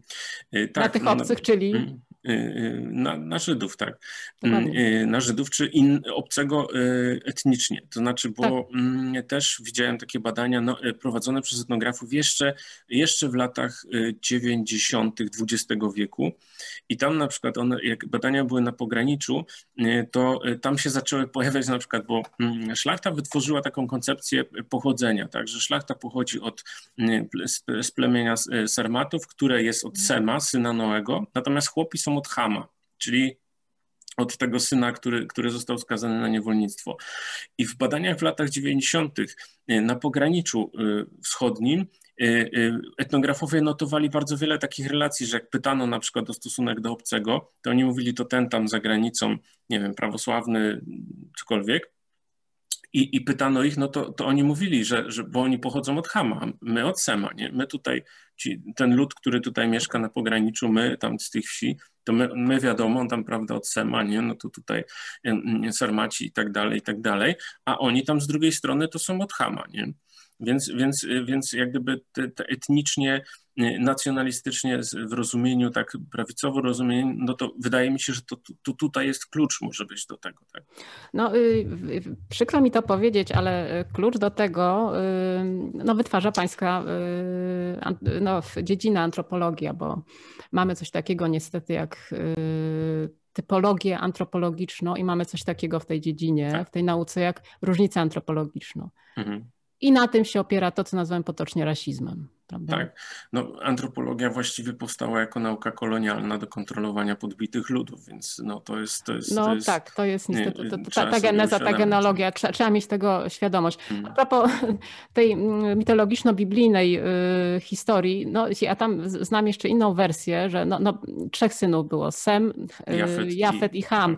No niby tutaj szlachta od Jafeta bardziej, bo Sem to Semici, prawda? O Jezu, przepraszam. tak, nie, tak, tak, nie, ma pani rację, no, no i ten, ten Ham, no, ten Ham y, coś tam y, źle się zachował wo wobec ojca, wobec który, ojca. który tak y, no, nadużył wina, Holu, prawda? Tak. No i są interpretacje, że zobaczył go nago. Tak. tak jest, śmiał się, no źle się, no zachował się głupio. I został skazany na niewolnictwo. Tak jest, został ukarany w ten sposób. Przepraszam, tak, ma pani rację, to, to no, nie Sem, tylko Jafet. Tak. Jafet, tak, tak. Yy, dobra, bardzo dużo można było tu wątków jeszcze w, w odniesieniu do, do mm, kwestii tożsamości poruszać. Ja tylko wspomnę o jednej rzeczy, bo to, co udało mi się wychwycić nawet z bękartów pańszczyzny, Pan tak jakby widzi dwie koncepcje narodu, zwłaszcza jeżeli chodzi o powiedzmy ten XVIII, nawet bardziej XIX wiek. Ta pierwsza ekskluzywna, prawda, ekskluzyjna, oparta na różnicy antropologicznej, którą wytwarzają, y, wytwarzał wczesna szlachta, y, obmyślająca sobie to całe, tą całą legendę sarmacką i tak dalej, bo to jest XIX wiek w gruncie rzeczy, prawda? Y, no i ta druga, którą właśnie pan widzi jako tworzenie nowoczesnej koncepcji narodowości, prawda? Mhm. Taka transwersalna, taka w zasadzie etnicznie różnorodna, bo jak patrzymy na, na tworzenie się narodu w państwach zachodnich, narody tworzą się na bazie państw, ich struktur wszelkich, armii, Króla. migrantów, migrantów, imigrantów y, pracy, prawda? Tak. Y, wszelkich no, administracji i tym podobne, przecież one są różnorodnie etnicznie. Tak. O tym się mhm. często zapomina, że narody były z zasady te zachodnie, prawda? Mhm. No, ale y, Polacy nie mieli tych struktur. Mhm. Tak, no, to była inna opcja po prostu, prawda? Mhm. Zjednoczenie państwa niemieckiego na mhm. przykład pod, pod, pod koncepcją narodu niemieckiego, tak jest, który, no, tak. przecież to są różne, zasadniczo bardzo różne, nawet do dzisiaj tam te różnice w języku niemieckim mm, pomiędzy to landami są przecież bardzo tak istotne. Tak, jest. tak no, no y, i tu, tak, bo ta koncepcja, y, powiedzmy, y, ja to nazywam takim trochę uniwersalistyczną koncepcją narodu, o której pani mówi, mhm. Y, bo tą, tą, ekskluzywną, tą opartą na, na jakiejś tam sarmackości, no to na razie zostawmy. Mm, ona też jest bardzo mocna i ona właściwie bardzo mocno się pojawia właśnie w klasach ludowych. Mm, w klasach ludowych jeżeli te klasy ludowe, no oczywiście zaczynają coś czytać i tak dalej, i tak dalej. Y, I ona też bardzo silnie, ona właściwie trochę wychodzi z kręgów takich intelektu, y, intelektualistów, przede wszystkim męskich, za, zaangażowanych, y, Towarzystwo Polskie Demokratyczne, gromady ludu polskiego i tak dalej, i tak dalej. Y, I, tak ta koncepcja właśnie była tworzona w oparciu trochę o, o, przesłanie rewolucji francuskiej, że wszyscy będziemy równi, prawda, mm, że, że naród będzie tym suwerenem, y, czyli tym, tym sprawującym właściwą władzę za pomocą jakichś tam swoich przedstawicieli. I, i, I ona w XIX wieku właśnie przede wszystkim oczywiście w kręgach intelektualistów była bardzo mocna, y, natomiast ona też się pojawia Y, po, po, pomiędzy ludem, no przede wszystkim za pomocą y, y, ściegiennego, mm, ale ona jest jak gdyby trochę mhm. taki, taką e, reakcją, to znaczy ci ludzie e, właśnie trochę poczuli, wydaje mi się, mam takie intuicje, że poczuli, że, że może to być jakiś taki punkt, mm, przez który, który przekroczy takie regionalne zróżnicowania między chłopami, kulturowe różnice, przynajmniej w odniesieniu do tych chłopów, które, mm, którzy jakoś tam się w tym mogą rozpoznać i, i pozwoli im jak gdyby na tej podstawie zbudować właśnie jakąś taką swoją polityczność. To na przykład było bardzo mocno widoczne już w XX wieku, a chociaż w XIX wieku też Mhm. W, na rejonie Śląska, zwłaszcza dzisiejszego Górnego Śląska. Czy powstańcy śląscy, oni właśnie e, mieli koncepcję narodu opartą o to, to znaczy o te, te właśnie pisma narodowościowe tworzone w, w odniesieniu do tej koncepcji uniwersalistycznej narodu. Tam nigdy polskiej szlachty nie było, w związku z tym, jeżeli mm, ta szlacheckość na Górnym Śląsku mm, się do czegoś odnosiła, to ona się odnosiła do tej sfery mm, niemieckiej, tak? Więc jak gdyby ten lud w naturalny sposób, jeżeli przejmował te koncepcje narodowe, to, to nie takiej narodowości rozumianej w taki sposób ekskluzywny. Różne były tego konsekwencje oczywiście, ale no, trzeba, trzeba pamiętać o tych dwóch koncepcjach, no ale niestety raczej chyba mamy do czynienia z tą ekskluzywistyczną. Mm -hmm, tutaj w tym wypadku. Ja jeszcze się tak zastanawiałam, mm, jakby dzisiaj podchodzić w ogóle do mm, kwestii mm, tożsamości w odniesieniu do pojęcia ludu. I takie mi trzy, trzy, trzy, tropy tutaj wpadły do głowy, i te tropy były rozwijane w latach 80. ubiegłego wieku. Co pan o tym sądzi, też z punktu widzenia antropologii, zwłaszcza? No, wspólnoty wyobrażone oczywiście. Mm. Scałkować to jednak, y, znaczy wi wiadomo, że to dotyczy y, nacjonalizmu, prawda, pojęcia narodu generalnie, mm. prawda, yy, ale ponieważ mamy problem z tym pojęciem ludu jeszcze większy, ja myślę, mm jak go zdefiniować? Definicję robimy ad hoc, prawda, dla jakichś poruszanych wątków i tym podobne, prawda. Y, no, to, to, to jest jeden kierunek, jeden trop. Drugi, sobie przypomniałam mm, Hobsbauma i y, Rangera, Invented Traditions również, mm. prawda? Tak, dokładnie. Zwłaszcza w odniesieniu dzisiaj do, do pojęcia ludu. Mm. I jest jeszcze trzeci, ale to już mm, nazwałabym to po prostu tworzeniem opowieści aksjologicznej, tylko na jakiej podstawie? Mm. Otóż y, początek lat 80. Y, w Stanach Zjednoczonych y, Ronald Ingelhardt tworzy World Value Survey. Mhm. Czyli badania nad wartościami w skali mhm. światowej, czy światowymi wartościami, czy w przestrzeni świata. Innymi mhm. słowy, aksjologię, systemy aksjologiczne różnych wspólnot w skali globalnej, jak one się zmieniały w czasie historycznym. To znakomite repozytorium jest. Tak. Y, tak czy inaczej. Ale właśnie ta opowieść aksjologiczna, bo Pan wspomniał o, przypomniał Pan Ściegiennego. I z Bękartów Pańszczyzny udało mi się też wychwycić jedną ważną rzecz.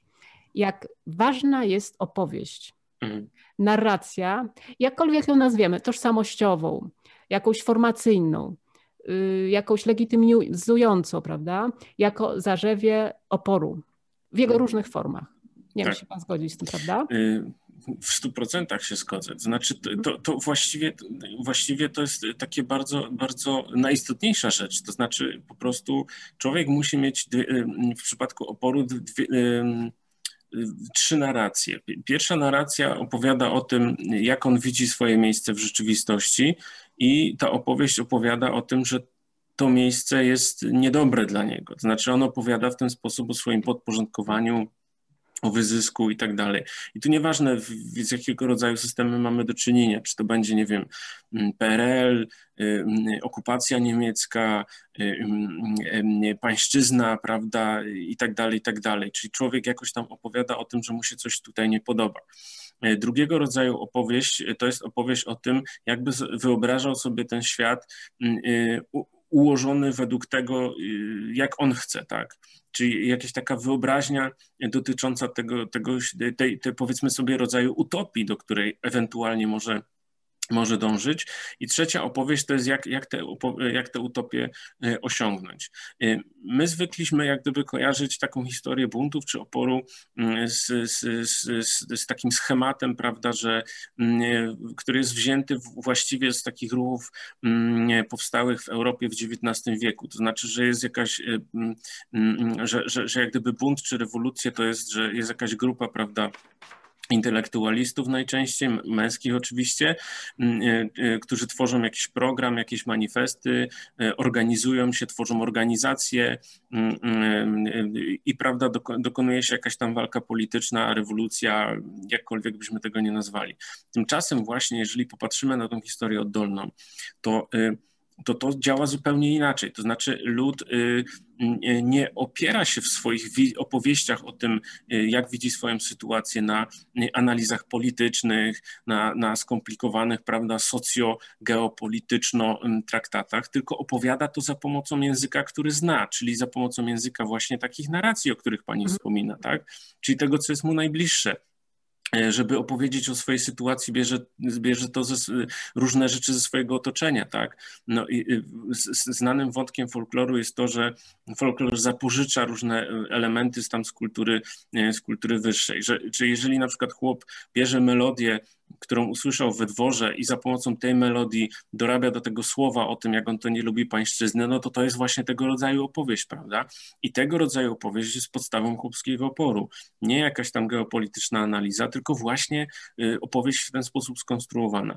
Podobnie jest z tym, jak on sobie wyobraża on sobie wyobraża właśnie y, y, przyszłość y, skonstruowaną według swoich warunków, nie w oparciu o to, że on konstruuje jakiś manifest polityczny, tylko że on opowiada, jakby chciał, żeby było, tak, za pomocą środków, które są mu dostępne po prostu. I to jest właściwie taki, w skrócie mówiąc, uniwersalny schemat, jeżeli patrzymy na, na bunt czy opór ludowy, że, że opowieść tam jest najważniejszym czynnikiem, który jak gdyby popycha trochę ludzi do, do walki. I teraz jak gdyby, jeżeli właśnie miałbym powiedzieć Pani, o czym jest y, ta moja książka, to bym powiedział, że o tym, jak ludzie tworzą opowieści, które popychają ich do buntu czy do oporu.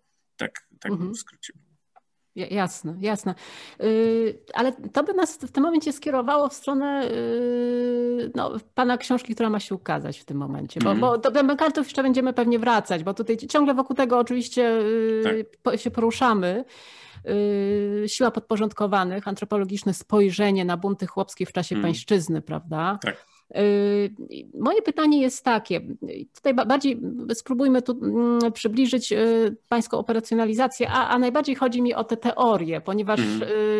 żebyśmy zobaczyli, na czym polega dzisiaj mm, ten zwrot ludowy w humanistyce i, i jak bogaty jest to repertuar, że tak powiem, te, te, tego zaplecza teoretycznego. Y, y, resistance studies, tutaj oczywiście mm. jest tym punktem wyjścia, prawda? Ale tak. jestem ciekawa właśnie, które, które z teorii są dla Pana tutaj istotne y, w tych badaniach, w, tych, w tym studium, które, które wyjdzie mm. za moment, prawda? Ukaże. Właściwie no, czerpię tam z bardzo wielu różnych koncepcji, ale taki, jak miał powiedzieć, takich dwóch najważniejszych, to jest koncepcja moralnej ekonomii Edwarda Thompsona i koncepcja oporu podporządkowanych Jamesa Scotta. E, dlaczego koncepcja moralnej ekonomii? Dlatego, że mhm. ta koncepcja dobrze pokazuje, e, w jaki sposób e, można podchodzić do analizy takiego codziennego oporu i ona nam pozwala zrozumieć różnicę, kiedy mamy do czynienia ze zwykłym lenistwem, a kiedy to lenistwo jest rodzajem oporu, czyli odzyskiwania swojej pracy. Thomson wskazał, że po prostu wśród ludu mm, istnieje koncepcja tego, co to jest moralne mm, mm, E, moralne dobro, to znaczy ilość dóbr i ilość jak gdyby dostępnych dóbr, e, która w posiadaniu każdego, kto tworzy ten lud, mm, jest moralna. On to opierał na badaniach mm, takiego wprowadzenia tak, tak, tak zwanego wolnego rynku w cenach, e, w cenach mąki i cenach żywności między XVIII a XIX wiekiem w Anglii, Mm, I on mówił, że ludzie po prostu mieli jakąś koncepcję moralnej ekonomii, to znaczy oni uważali, że powyżej jakiejś ceny e, e, e, mąka nie powinna znaczy nie powinna, mąka nie powinna być droższa niż, niż jakaś tam ustalona według nich cena. I teraz na jakiej zasadzie oni ustalili tą cenę? Właśnie w oparciu o zasadę moralnej, moralnej ekonomii. Znaczy to jest bardzo złożone, oczywiście ja, ja tutaj nie mam czasu, żeby o tym mówić, ale to nam dobrze pokazuje, to znaczy Mm, y, jeżeli mamy do czynienia z taką warstwą ludową, która dokonuje jakiegoś e, aktu oporu, to ten akt oporu jest y, oparty właśnie na koncepcji moralnej ekonomii. To znaczy ten, ten chłop, nie wiem, jak kradnie panu kurę, y, no to on nie, dokonuje kradzieży w sensie, prawda, moralnego zła, tak jak, nie wiem, nie, nie, w jakiejś biblijnej opowieści, tylko on w jego odczuciu tego chłopa, który kradnie kurę, y, do, y, zabiera coś, co mu się prawnie należy, tak? Czyli to nie jest w jego odczuciu kłamstwo. I teraz, przepraszam, kradzież. I mhm. teraz, i teraz oczywiście no, można tam potępiać i tak dalej, i tak dalej, ale tu, tu nie chodzi o to, żeby potępiać, tylko żeby zrozumieć.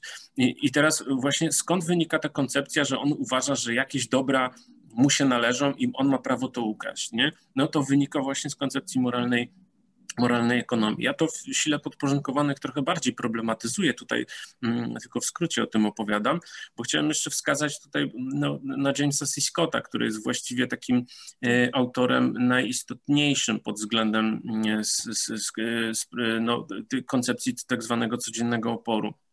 On to badał w oparciu o, Malezji, o badania etnograficzne, które prowadził wśród malezyjskich chłopów i on właśnie stwierdził, że mm, lud stosuje takie formy oporu, które są, mm, opierają się na, na, na tym, że one są przede wszystkim ukryte albo anonimowe. Y, on zresztą na samym początku swojej książki Weapons of the Week stwierdził, że po prostu ludzie przez zdecydowaną większość swojego czasu w historii y, nie mogą się jawnie buntować, nie mogą wystąpić przeciwko jakimś swoim panom, nie mogą e, jawnie tam sprzeciwić się władzy, dlatego że albo ich spotka jakaś drastyczna kara, albo po prostu władza może mhm. ich za to legalnie mhm. zabić. Przypominam, że do XVIII wieku, do końca XVIII wieku pan w dobrach prywatnych mógł legalnie zabić, zabić chłopa. Mm, więc, więc w związku z tym, że nie mogą legalnie prowadzić oporu, stosują różnego rodzaju techniki e, tak zwanego oporu codziennego czy oporu ukrytego, który polega właśnie na tym, na podkradaniu Panu zboża, na, e, na sabotowaniu pracy, czyli jeżeli e, Pan nas zmusza do wykonywania pracy niewolnej, pracy pańszczyźnianej, no to chłopi sabotują te prace, udają, że pracują, wykonują ją źle, wykonują ją niedbale, mm, niszczą narzędzia, e, wykonują ją chorymi zwierzętami, celowo uszkadzają na przykład zwierzęta po to, żeby one nie potrafiły pracować. Jeżeli Pan nam niesłusznie zabiera, prawda, jakieś nasze nasze zboża, no to, mm, no to chłopi starają się fałszować te zboża, oddawać jak najmniej, mieszać je z jakimiś tam, prawda, mm, e, kamieniami i tak dalej, żeby one były cięższe i tak dalej, i tak dalej. No to są tego, tego rodzaju formy, mm, formy oporu e, podporządkowanych, które są uzależnione od tego, w jaki, na czym opiera się mhm. podporządkowanie i na czym się opiera wyzysk. Jeżeli tak, no i, i, i tu można jak gdyby przykłady mnożyć w zależności od tego, o, o kim, o jakich podporządkowanych mówimy de facto. Otóż to, to, to jest no, no, ten duży wkład, ten duży wkład y, historii ludowej w tym wątku oporu podporządkowanych, zwłaszcza no, to, co nazywamy tak, tak, tak, ogólnie sabotażem, prawda, te różne formy, ale jeszcze możemy, możemy mówić o innych formach. Natomiast ja jeszcze wrócę do tej formy najbardziej y, takiej kojarzonej, prawda, z oporem. Jednak y, formy rewolty, y, której zawsze, którym zawsze towarzyszy jakaś brutalność i to posuwana jednak przy, przy mm, buntach chłopskich do, do ekstremum. Za moment ten wątek poruszę, ale Pan wspomniał czy, czy, y, o jednym. Y, Pan, okej, okay, powiedział, tak, użył takiej formuły, to były bunty nielegalne. Ja bym to y, podniosła jeszcze właśnie do sfery buntów zbrojnych, by tak rzec, prawda? Wiadomo, że one były różnie, miały różny stopień organizacji, ale problem jest taki, że znamy te nowożytne, nowożytne teorie resistance, prawda? Y, one nawiązują y, do pewnych wątków prawnych i to jeszcze z rodowodem rzymskim, Y, I mieli, mieliśmy tutaj między innymi y, takie, takie, chodzi o prawo międzynarodowe oczywiście, czy na, na tym poziomie. Między innymi prawo do oporu obrony, w tym obrony, samoobrony indywidualnej z jednej strony, w tym mienia. Prawo do wolny sprawiedliwej, to Grocjusz i tak dalej. Mhm. Oczywiście w tle Montesquieusz, no wiadomo, potem Locke, inni. I wreszcie to trzecie prawo, panowanie czy władza jako kontrakt, innymi słowy, wybór władcy. I wydaje mi się, że problem y, buntów chłopskich polega na tym, że oni byli poza tym prawem. Ich to prawo mm. nie chroniło. Dokładnie. Właśnie to jest to podstawowe mm. pytanie, dlaczego tak się działo, prawda? Mm.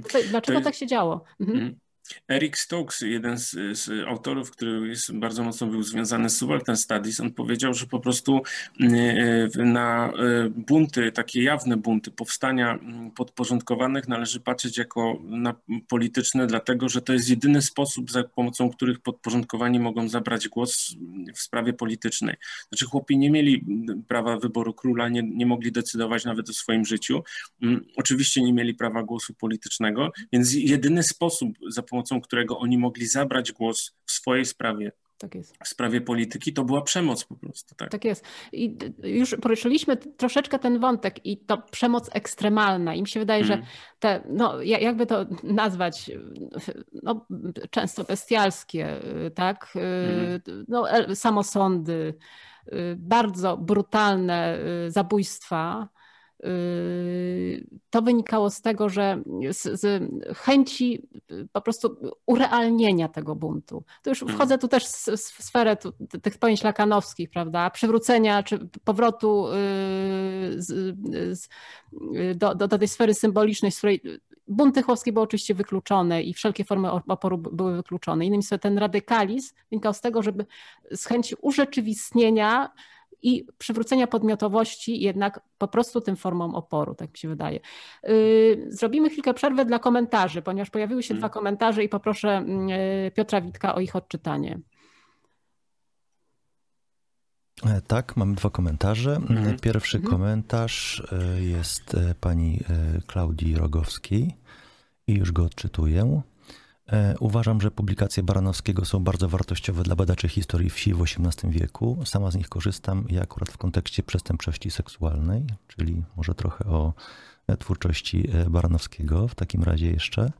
I drugi ja komentarz pana Bart... taką książkę przeczytać. Mhm. I kolejny komentarz pana Bartosza Konieczki, to jest pytanie. A czy nie jest tak, że endecja w ograniczonym zakresie miała wpływ na masy chłopskie? jako siła reprezentująca ziemiaństwo. Skąd y, poczucie polskości wynikało według państwa u samych działaczy ludowych? Y, to jest pytanie. I przy okazji chciałbym jeszcze zachęcić wszystkich Państwa słuchaczy do komentowania i zadawania pytań na czacie. Tak, powtarzam tę zachętę, bardzo prosimy. No, panie doktorze, właśnie, Baranowski, prawda? Mhm. No, Baranowski, on, y, y, to, to, to, są też bardzo ważne dzieła. No też o, o, ludziach luźnych, prawda? Jeżeli czyta się tę jego książkę o um, ludzie gościńca, no to to jest, i porównamy to na przykład wiem, z pracami klasyków historii oddolnej um, z zagranicy, no to tutaj, prawda, nie, nie, chcę, nie chcę używać sformułowania, nie mamy się czego wstydzić, bo, bo to właściwie jest takie bezprzedmiotowe, ale no, no mamy z czego czerpać, o tak jakby... Mamy się czym chwalić, śmiało to mówmy, możemy... Tak. tak, tak, zupełnie. Bogdan Baranowski z, z, był znakomitym, znakomitym autorem e, pracy o czarownicach, wiedźmach i tak dalej. I jego analiza w ogóle, wpisanie tego, mm, wpisanie tego w, w cały system społeczny. Mm, oczywiście można mieć zastrzeżenia i, i, i słusznie, mm, słusznie do, do, do kilku wątków, ale no, to nie, nie umniejsza całej pracy. Całej pracy Baranowskiego i myślę, że, że, że, że to trzeba podkreślać i, zwracać uwagę na to. Co do wątku endeckiego, mm, to jest taka złożona sprawa, to znaczy generalnie te endecja na wsi, z tym było nie, nie chcę robić się tutaj specjalistą od tego zagadnienia, dlatego że no trochę nie do końca tym się zajmowałem. To, to jest jak gdyby taka kwestia, która gdzieś tam pobocznie wychodzi.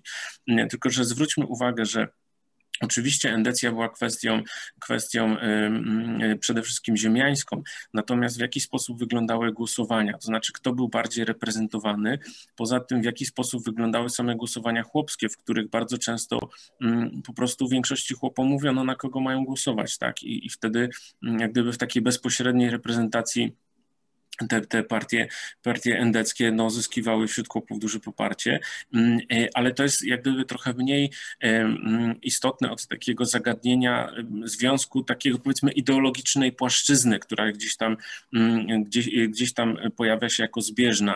I, i ja nie chcę, nie chcę powiedzieć, że jak gdyby endecja ukształtowała tą, tą e, chłopskość i ludowość, dlatego że po prostu ta ludowa polskość, ona podobnie jak każda inna koncepcja narodowa, jeżeli odnosiła się do etniczności, to ta etniczność zawsze zawiera w sobie jakiś element właśnie takiej relacji swój-obcy, kto jest swój, kto jest obcy i tak dalej. Niezależnie, czy będziemy mówić o Polakach, Niemcach, czy, mm, czy jakimkolwiek innym, e, innym narodzie. I tutaj istnieje zawsze takie niebezpieczeństwo przekształcenia tej relacji swój-obcy właśnie mm, no, w, w jakieś takie skrajnie prawicowe interpretacje tego, tak jak w przypadku, w przypadku Indecji. Mi się wydaje, że tutaj raczej zachodzi taka zbieżność pewnych tropów ideologicznych, które razem zsumowały się w pewnym momencie właśnie w taki no, etniczny, etniczny nacjonalizm w wielu warstwach. Mhm. Natomiast, natomiast to, to nie jest też tak, że w okresie dwudziestolecia międzywojennego endecja miała wśród chłopów mm, dominującą pozycję. Tam raczej bym powiedział mm, o tych stronnictwach ludowych, które były bardzo mocno na wsi osadzone. Y, y, I poza tym też nie zapominajmy, jeżeli mówimy o całym jak gdyby rysie historycznym, o tym, że, że polityka mm, PZPR, co PZPR od pewnego momentu no, miała bardzo mocno taki rys etniczno-nacjonalistyczny. Właściwie, mm, właściwie istnieją takie prace, które pokazują, że, że PZPR właściwie zrealizował, zrealizował główne postulaty endeków, tak? czyli te ziemie, przyłączenie ziem zachodnich i i ujednolicenie etniczne e, e, ziem, ziem polskich pod tym względem, że wymazania takiego zróżnicowania. Więc, więc, więc to są mhm. kwestie, które na siebie zachodzą i oczywiście jak gdyby mm, trzeba je mieć na uwadze. Tak? Jasne. Ja może jeszcze mm, wspomnę o, o, o, tym drobniejszym wątku, ale może on być też istotny. Jednak spojrzeniu rzeczywiście relacja endecja i jej, jej wpływ mimo wszystko na, na no jakby to nazwać koncepcję mm, uetnicznienia, przepraszam za ten neologizm, tak, chłopów po powstaniu styczniowym. Mhm. To jest rodowód, mi się wydaje, tej y, idei narodowej, bo z ziemiaństwa i byłego ziemiaństwa rodzi się ta pierwsza jakby inteligencja mhm. z myślą nacjonistyczną czy nacjocentryczną i narodową i oni wreszcie dochodzą do tego wniosku, tak, y, chłopów trzeba przekonać do tego, że są etnicznymi Polakami. Mhm. Politycznych rzecz jasna. I cała strategia się wokół tego, tak mi się wydaje, w odniesieniu do właśnie warstwy tak. ludowej. Dodatkowo jeszcze nie zapominajmy, że mm, po uwłaszczeniu zaczęły bardzo mocno przejawiać się te kwestie zróżnicowania samych chłopów między sobą. To znaczy ci bogatsi, o, mm, tak. E, oni już symbolicznie bardzo mocno się utożsamiali z szlachtą, zmieniali nazwiska swoje, mm, dodawali te wszystkie ski e, i tak dalej, i tak mhm. dalej. E, nawet tam w różnego rodzaju czy powieściach, czy wspomnieniach się pojawia ten wątek, że ci bogatsi chłopi, oni mieszkali w, w, swoich okolicach i na przykład ci biedniejsi chłopi mówili na nich e, tak trochę z przekąsem, że to jest tam szlachta mieszka, tam gdzie szlachta mieszka. W karczmie bogatsi chłopi mogli siedzieli tylko wyłącznie z sobą i swoim dzieciom zabraniali bawić się z tymi biedniejszymi. Więc oni już w tym imaginarium tam już dochodziły mm, mm, do, głosu takie różnego rodzaju zmiany i, i, i, i jak gdyby takie wzajemne wpływy, przenikanie się, wydaje mi się, mm, przynajmniej pod względem ideologicznym, trochę z, z, tym, z tym ziemiaństwem. Tak. No i to, to, to podchwycili chyba później, yy, przed 18 rokiem komuniści, tak się zdaje, tak. nie? Yy, no podzielili chłopów, burżuazja tak. wiejska, tak? No i robotnicy rolni, prawda? Tak. I na tym próbowali grać, no ale y, chłopi wybrali stronę niepodległościowców, państwowców, mm. prawda? Tak. No nasze szczęście w sumie.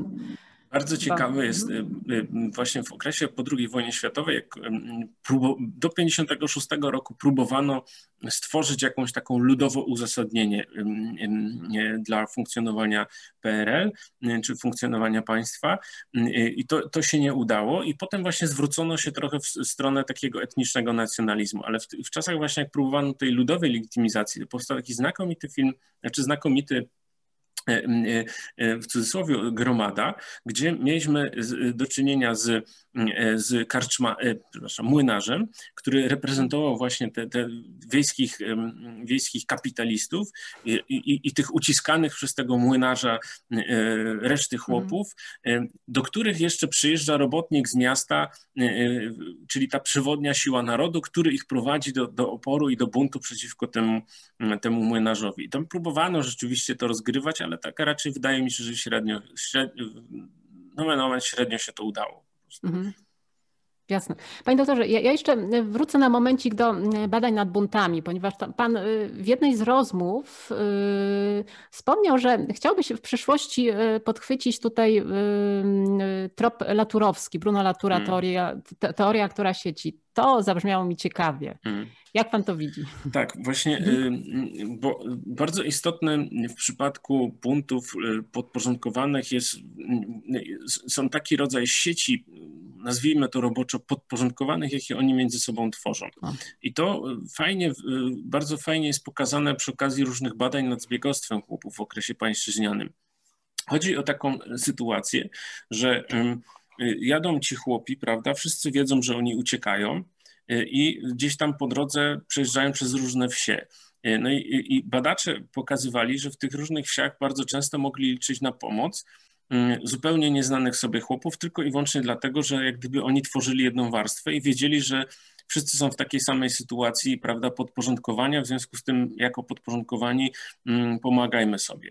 To jest raz. Dwa, więc jak gdyby tworzą się takie, mm, mm, mm, potenc- y, ja to nazywam powiedzmy siecią potencjalną, to znaczy, że potencjalnie y, in, y, u innego chłopa, jeżeli jestem w sytuacji zagrożenia przez Pana, mogę uzyskać pomoc, potencjalnie dlatego, że różnie z tym bywało oczywiście, ale na tej podstawie, że jesteśmy wszyscy w takiej samej sytuacji podporządkowania, mogę tworzyć możemy wejść w sobą kontakt i możemy, on może mi pomóc. I istnieją też sieci takie, które już funkcjonują między chłopami, to znaczy takie sieci, które opierają się na znajomościach rodzinnych, na, na, na małżeństwach między chłopami z różnych chłopami, chłopami oczywiście, z różnych wsi, z różnych wsi, prawda, tam mam wujka w tej wsi, ciocię w tamtej wsi, a ta ciocia ma znowu kogoś jeszcze w tamtej wsi i po tych sieciach rozchodziły się, rozchodzą się po pierwsze, y, to, to jest sieć w ogóle sfery ludowej. W oparciu o tą sieć i komunikację ustną y, rozchodzą się wieści, to jest tak zwana plotka przecież, tak? Rozchodzą się wieści y, o buncie, rozchodzą się wieści o ucieczkach, rozchodzą się wieści o tym, że trzeba komuś pomóc mm, i tak dalej, i tak dalej. Więc z tej perspektywy chciałem się temu przyjrzeć, to znaczy jak działa po prostu taka sieć taka sieć, w ramach której chłopi tworzą po prostu swój świat, świat swojej komunikacji, świat, świat oddziaływania na siebie i, i ta sieć jest zadzierżnięta przez chłopów oczywiście w jakichś takich sytuacjach, które no niekoniecznie wiążą się z buntem, nie? no bo to może być przez małżeństwo, może być przez jakieś kontakty handlowe, ale potencjalnie w pewnych okolicznościach może się ona przekształcić w sieć, po której rozchodzą się wieści o buncie, po której rozchodzą się informacje różnego rodzaju przy, przy, przy okazji buntu potrzebne, e, po której rozchodzą się wezwania do buntu właściwie i tak dalej. I, I, w ten sposób chciałem, chciałem do tego podejść, czyli przeanalizować sieci, jakie nieformalne się tworzą między mm. Mm, między, między chłopami w oparciu o komunikację ustną. E, w ramach tych sieci też wytwarza się określony stosunek do rzeczywistości. Znaczy ludzie po prostu mm, w miejscach spotkań, karczma, targ, targ e, rytuały rytuały i obrzędy, dyskutują z sobą i, i, i, w określony sposób wyrabiają sobie opinie na temat rzeczywistości i, i, i, po prostu te mm, opinie, e, opinia mm, publiczna wśród ludu, ona jest właśnie tak tworzona. Nie za pomocą gazet, nie za pomocą książek, nie za pomocą dyskusji intelektualistów, tylko właśnie w takich sieciach i w takich miejscach tak zwanej ludowej sfery publicznej. I właśnie tym, tym chciałbym się zająć zresztą. No brzmi to, brzmi to świetnie, natomiast y, tutaj jeszcze bym y, no, no, znaczy sugerowała, y, przypomniała o, o mm, takim pogłębieniu w stronę kognitywistyki.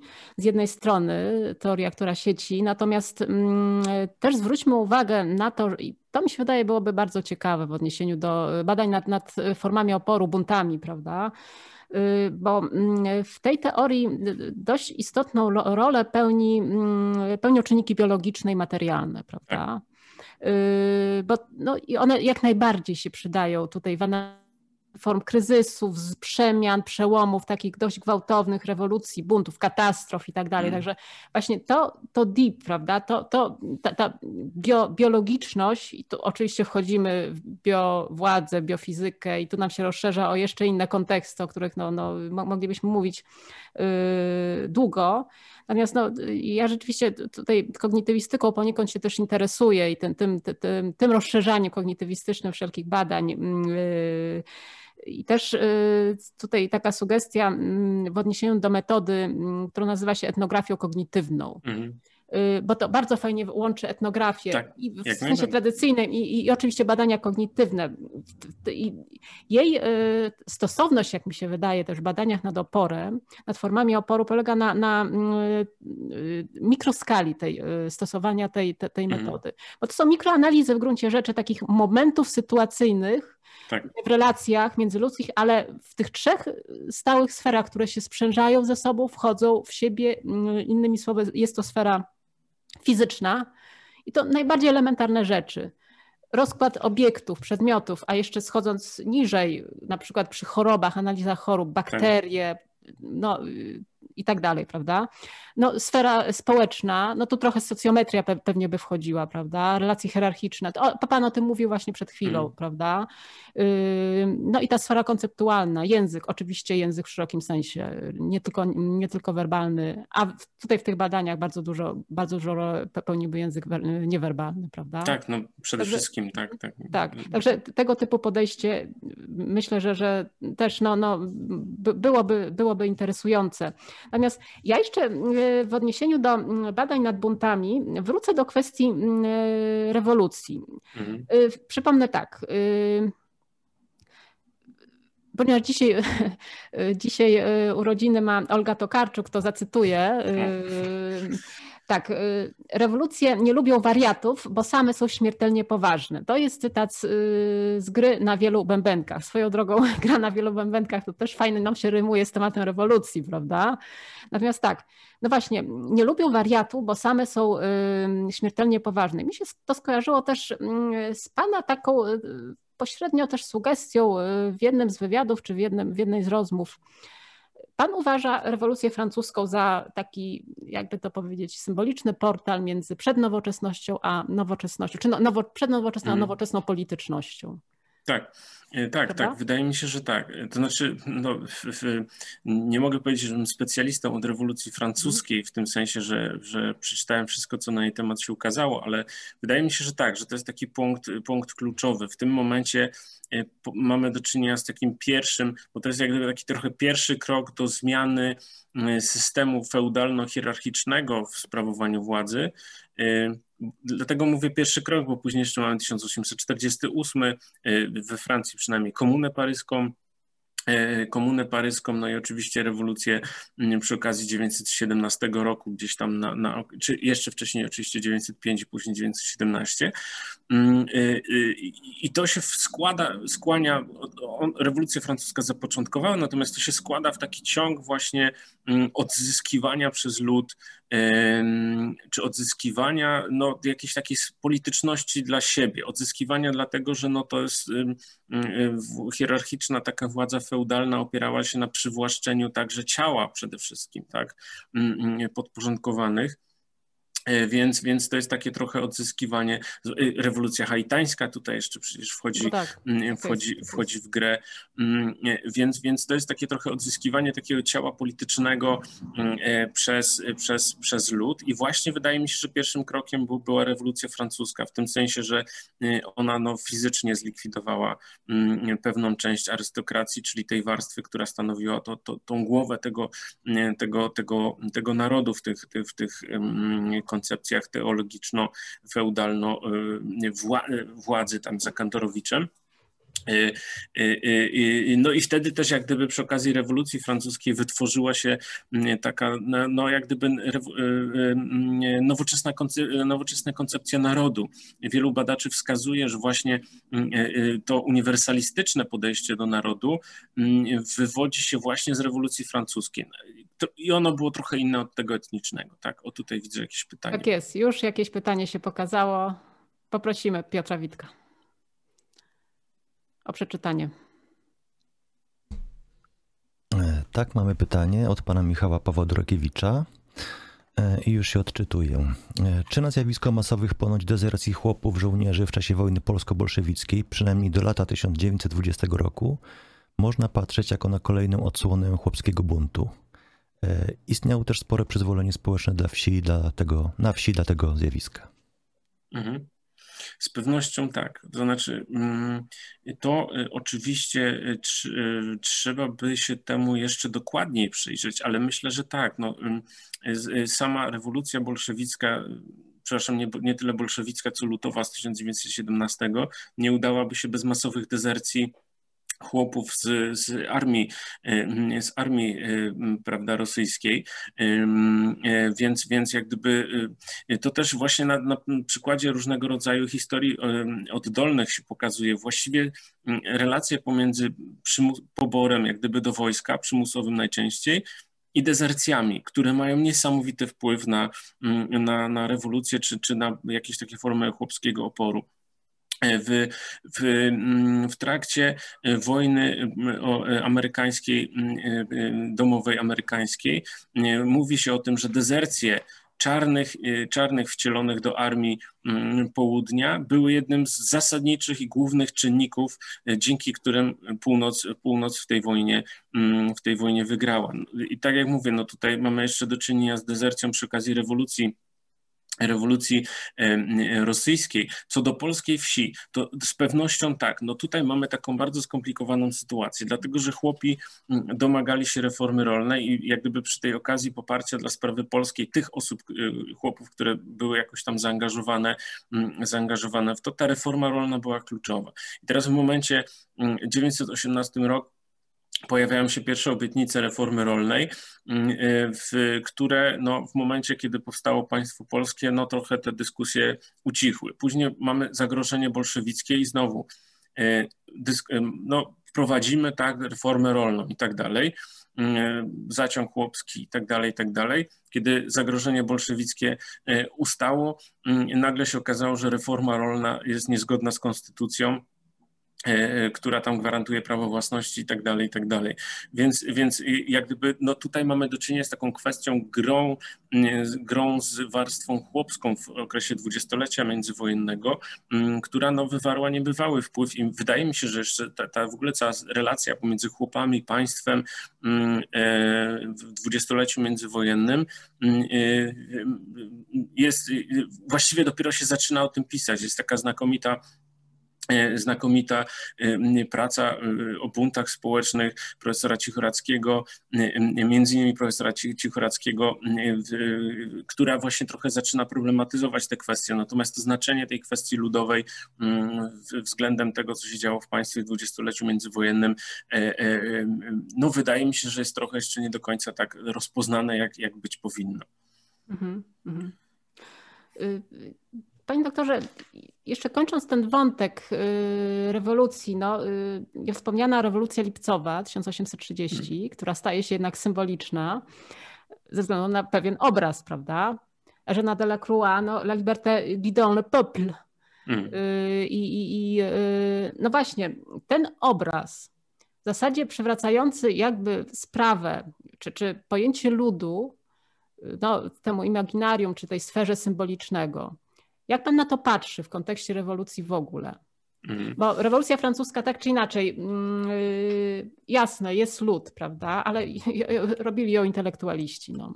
Yy, tutaj no to, to jest właściwie ta, ta kwestia, tutaj porusza Pani tą kwestię tego, jak my właściwie rozumiemy ten lud. Tak jest. Tak, I tak to jest, jest to jest mhm. y, zasadnicza sprawa. To znaczy zwróćmy uwagę, że to, co powiedzieliśmy na początek, u nas to pojęcie jest trochę skażone mm, przez takie skojarzenie z PRL-em. Nie do końca słuszne, bo w ten PRL to ten, tym ludem to tak trochę raczej sobie ewentualnie tam, prawda, uroczystości państwowe przyozdabiał. E, e, e, I, I z drugiej strony ona jest też skażona takim skojarzeniem po prostu z, wyłącznie z warstwą chłopską. Znaczy, że, że, że lud to, to są chłopi, a teraz już tych chłopów nie ma, bo już nie ma jak gdyby tej kultury chłopskiej, w związku z tym nie ma ludu.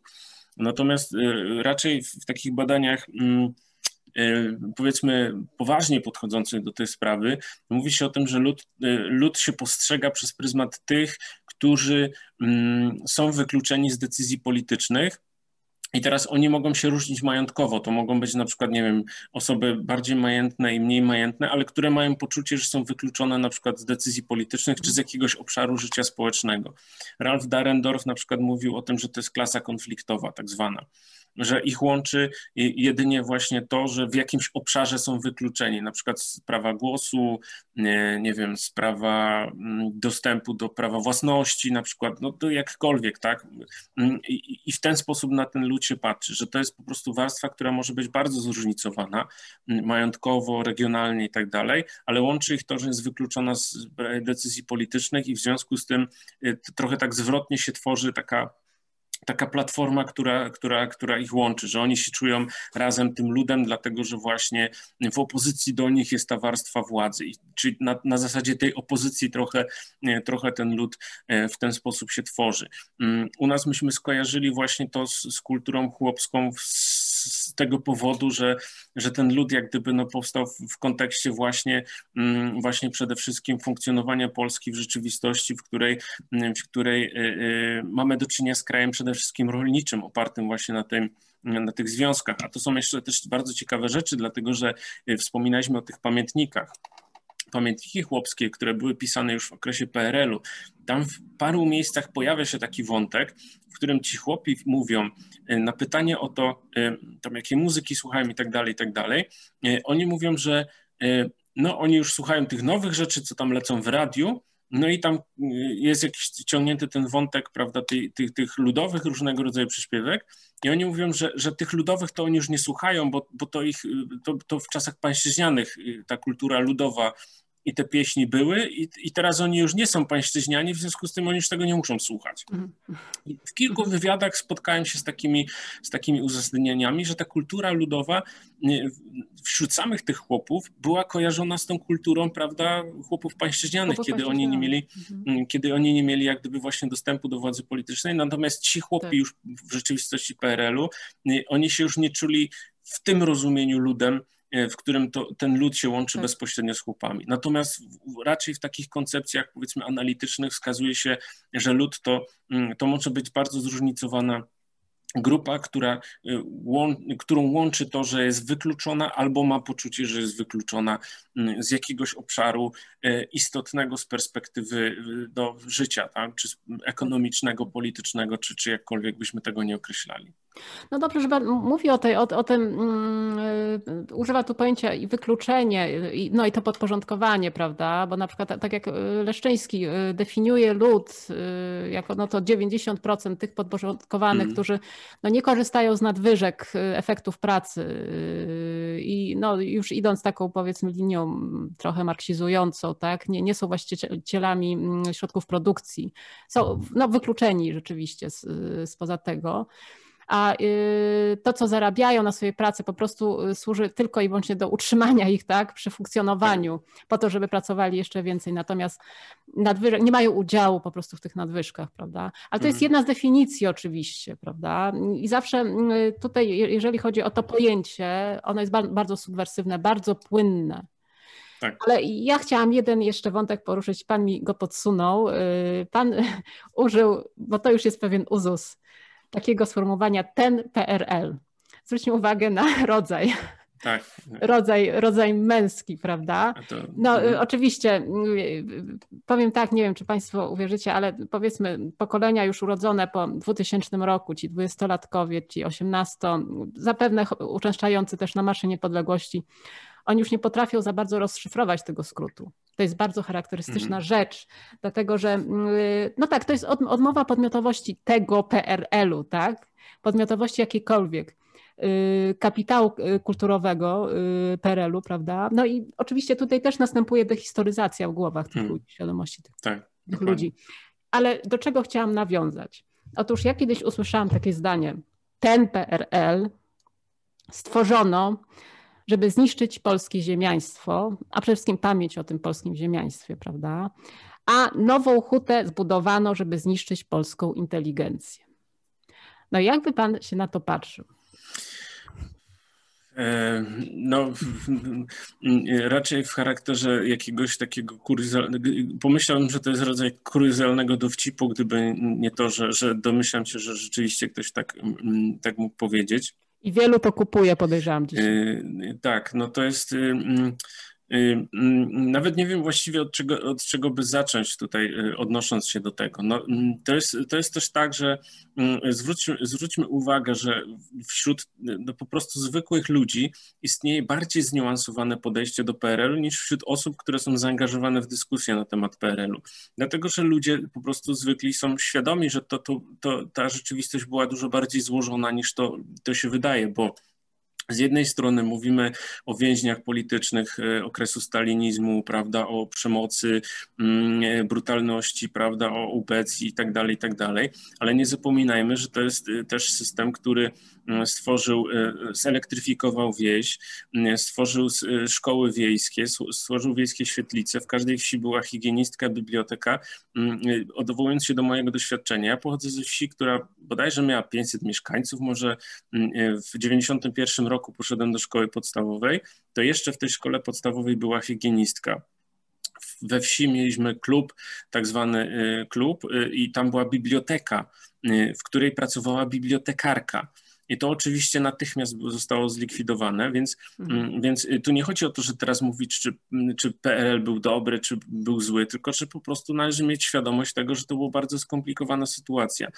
I teraz, jeżeli został stworzony, to znaczy my znowu mówimy w tych kategoriach, że ktoś tam, prawda, przyszedł i stworzył, e, że to nie tworzyli go ludzie, nie tworzyli go prawda, osoby, które jakoś tam e, tutaj były zaangażowane w rzeczywistość, jakkolwiek się, możemy się z nimi zgadzać, możemy się z nimi nie zgadzać, tylko znowu mówimy o tym, że jakieś tajemnicze siły, prawda. No zewnętrzne, zewnętrzne, zewnętrzne. Zewnętrzne, oczywiście, I proszę zewnętrzne. zauważyć, że znowu sami sobie odbieramy podmiotowość i tutaj tak. Ledar ma rację. Tak, dokładnie. Znowu, dokładnie. znowu coś prześniliśmy, prawda? No. Ktoś tak, za nas no, robił, nie? Mm, mm, ktoś, ktoś tutaj, prawda, tajemne siły magiczne najczęściej. Mm, natomiast należy też zwrócić uwagę, że PRL był pierwszym systemem, który wprowadził reformę, rzeczywiście wprowadził reformę rolną, której się chłopi masowo domagali od uwłaszczenia, dlatego że uwłaszczenie spowodowało, że y, chłopi w większości potracili ziemię, na których żyli i pracowali na rzecz właścicieli, właścicieli ziemskich, czyli tych ziemian. I teraz tutaj nie chodzi o to, żeby wskazywać konkretnie, że ten ziemianin i tak dalej, tylko chodzi o to, że całowactwa, czyli jak gdyby ziemiaństwo, wykorzystując pozycję polityczną, uzyskało kosztem chłopów naprawdę bardzo duże mm, połacie ziem, a w związku z tym jak gdyby możliwości y, utrzymania. I teraz chłopi domagali się reformy rolnej. I teraz ktoś mówi, że reforma rolna, ale to jest odbieranie prywatnej własności. Tylko w jaki sposób ta prywatna własność tego ziemiaństwa została uzyskana? No kosztem chłopów, prawda? Kosztem ziemi, na której oni pracowali i na której żyli. I teraz PRL wprowadza jako pierwszy reformę rolną, chociaż obiecowana ona była praktycznie od końca uwłaszczenia przez różne, różne siły polityczne. Ona oczywiście, ta reforma rolna została tylko i wyłącznie po to wprowadzona, żeby, żeby ta wieś, no może nie tyle wspierała ten system budowany w Polsce, co przynajmniej milcząco akceptowała, tak? To nie było oczywiście z żadnej miłości do, do polskiego ludu wprowadzane mm. mm, mm e, przez, przez, przez e, PPR rządzący PPR, dlatego że później zaraz nastąpiła kolektywizacja, na całe szczęście nieudana i, i tutaj też znowuż mm, mm, ukłony w stronę tych niewielu historyków, którzy, mm, którzy badali bunty chłopskie czy opór chłopski wobec kolektywizacji. Znakomite książki, e, e, znakomite książki, znakomite prace powstały i, i trzeba mieć świadomość po prostu dynamiki tych procesów. A właśnie jeżeli jeżeli na przykład my w nieodpowiedni sposób podchodzimy do historii, czyli uczymy jej no, no tak, tak wybiórczo de facto i, i, i, opierając się na jakichś mitach, no to później mamy do czynienia z tego typu kuriozami, prawda, że brakiem świadomości procesów, dynamiki, która, która, się, która się wydarzała i którą należy oceniać w, właściwym kontekście, tak. Jasne. Ja bym powiedziała w ten sposób, odnosząc się no do, do, do, tego stwierdzenia, które możemy oczywiście nazywać jakimś bałamutnym, demagogicznym pewnie, Y, no, nie zaprzeczymy, że ziemiaństwo, no PRL to był koniec ziemiaństwa. Tak. Jednak za PRL-u niszczono pamięć o ziemiaństwie. To były punkty za pochodzenie, no różne rzeczy, prawda? Tak. Y, tutaj, y, tu można byłoby jeszcze bronić tej tezy przede wszystkim. Chociaż ziemiaństwo w sensie materialnym niszczono od 1917 przynajmniej. Kresy tak. jak najbardziej. To było palenie dworków, bibliotek, po prostu niszczenie. Y, natomiast jeżeli chodzi o inteligencję, to, to stwierdzenie z nową hutą, no jest niezgodne z faktami po prostu. Zwłaszcza Ponieważ Polsko, znaczy powiem tak, że polsko, polska inteligencja została zniszczona w czasie II wojny światowej. No właśnie to chciałem No właśnie, o to chodzi. To była, była niszczona w masowych egzekucjach osób, które znalazły się na listach proskrypcyjnych hitlerowców. Była zniszczona w Piaśnicy, była zniszczona y, w Katyniu, była niszczona w obozach Auschwitz-Birkenau, Treblince, w obozach zagłady pozostałych. Wyemigrowała. Była, emigrowała i była niestety niszczona w Powstaniu Warszawskim. Tak, I to, co teraz no. mówię, może oburzy, zwłaszcza ten ostatni punkt, może oburzy niektórych, ale mi się wydaje, że to, to są fakty. To jest, to jest też to, że, że zwróćmy, zwróćmy uwagę, że jak gdyby po y, uzyskaniu niepodległości większość archiwów w Polsce została zgromadzona w Warszawie mm, i, i, i po prostu naziści spalili te archiwa, tak? I no, bardzo dużo tak. prac dotyczących historii gospodarczej, między innymi wsi, no to ci przedwojenni historycy mieli jeszcze dostęp do tych źródeł i bardzo często jest tak, że y, w badaniach opieramy się na, na, na ich jak gdyby y, sprawozdaniu z różnego rodzaju źródeł, których my już dzisiaj nie mamy, bo one, one zostały spalone przez, przez nazistów w trakcie II wojny światowej.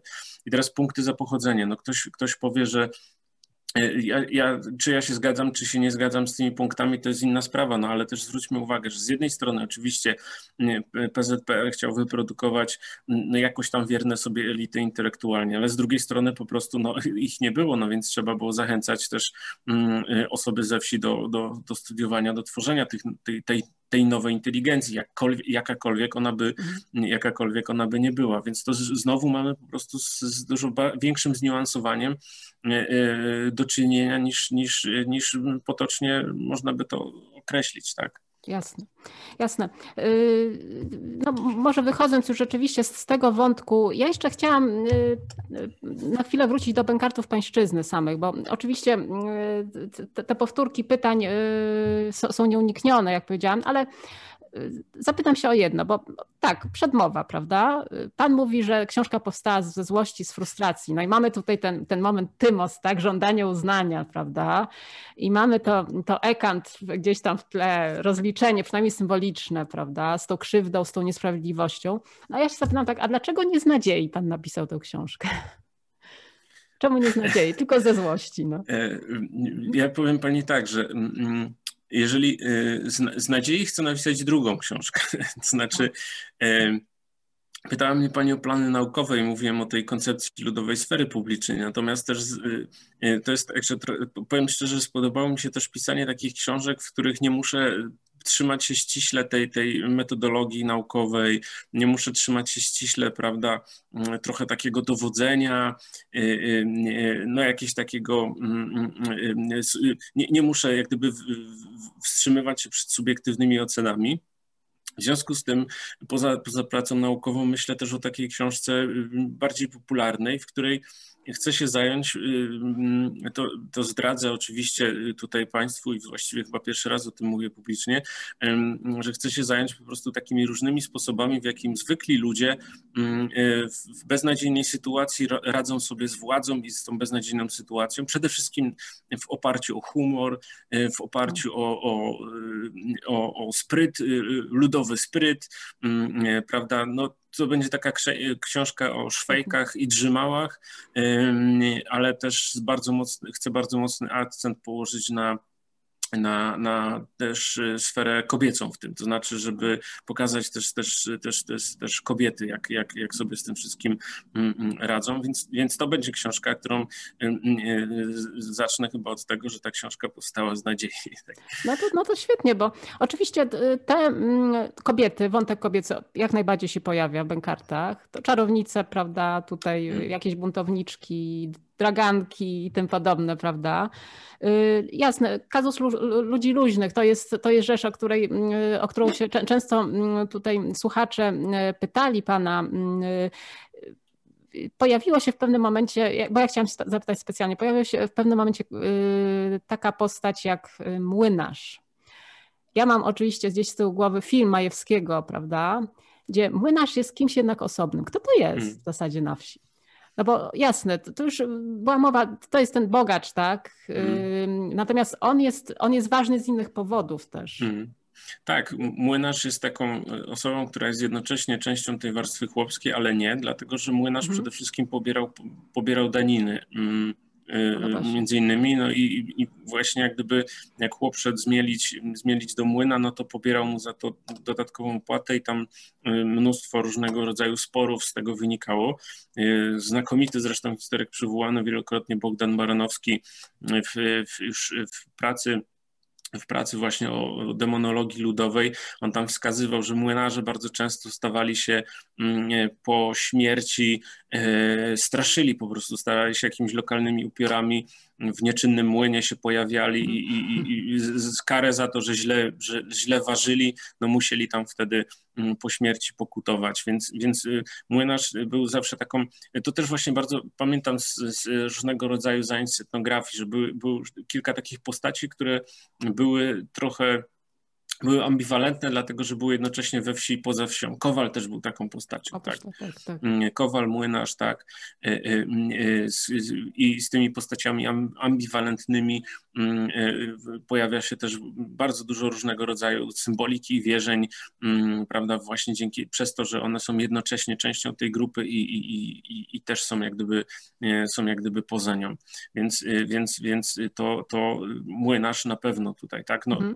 Wspomniany już film Gromada, gdzie młynarz był tym złym tak. kułakiem, prawda, tak burżujem wiejskim, uciskającym lud. Tak jest, tak jest, tak jest. Yy, no, pan jako antropolog to lubi typologizować. Yy, mamy tam typy buntowników rozmaitych, natomiast nie, nie będziemy ich wymieniać. Natomiast ja bym się pana zapytała, yy, no właśnie, pana typ buntownika, który, znaczy według pana mm, miał ten największy potencjał modernizacyjny, w sensie jego bunt mógł rzeczywiście coś zmienić. Mhm. Co to, kto to był? W sile podporządkowanych opisuje postać, postać y, faceta, chłopa, przepraszam, teraz nie pamiętam w tej chwili, jak on się nazywał, dlatego że, że no, mam, mam na końcu języka, mm, który e, własnym sumptem udało mu się, o, mamy pytanie, to zaraz mhm. E, szybko tylko dokończę, mhm. E, udało mu się zgromadzić, on mieszka na pograniczu, mm, pograniczu polsko, polsko-węgierskim, udało mu się dzięki przemytowi, dzięki takim transakcjom na granicy zgromadzić spory majątek,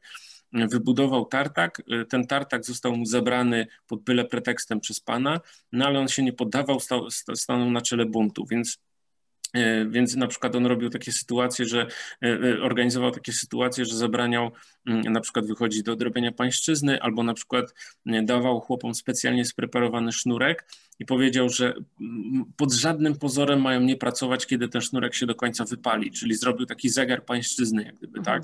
Mhm. Więc, więc no, to, to był facet, który był bardzo mocno zaangażowany po prostu w jakiś taki no, proces modernizacji, jakkolwiek byśmy tego procesu nie rozumieli, bo z modernizacją wiąże się oczywiście no, nowoczesny czy modernistyczny kapitalizm, tak? Więc, więc jak gdyby to to, to, to tutaj mamy przede wszystkim na myśli i chyba pytanie, tak? Tak jest. Poprosimy o pytanie. E, pan Bartosz Konieczka zadaje pytanie w sprawie równości chłopów. Jeszcze w latach 50. istniały e, szarwarki, e, obowiązkowa praca chłopów na rzecz wspólnoty. Czy to w długim podporządkowaniu można upatrywać dzisiejszej bierności politycznej wsi?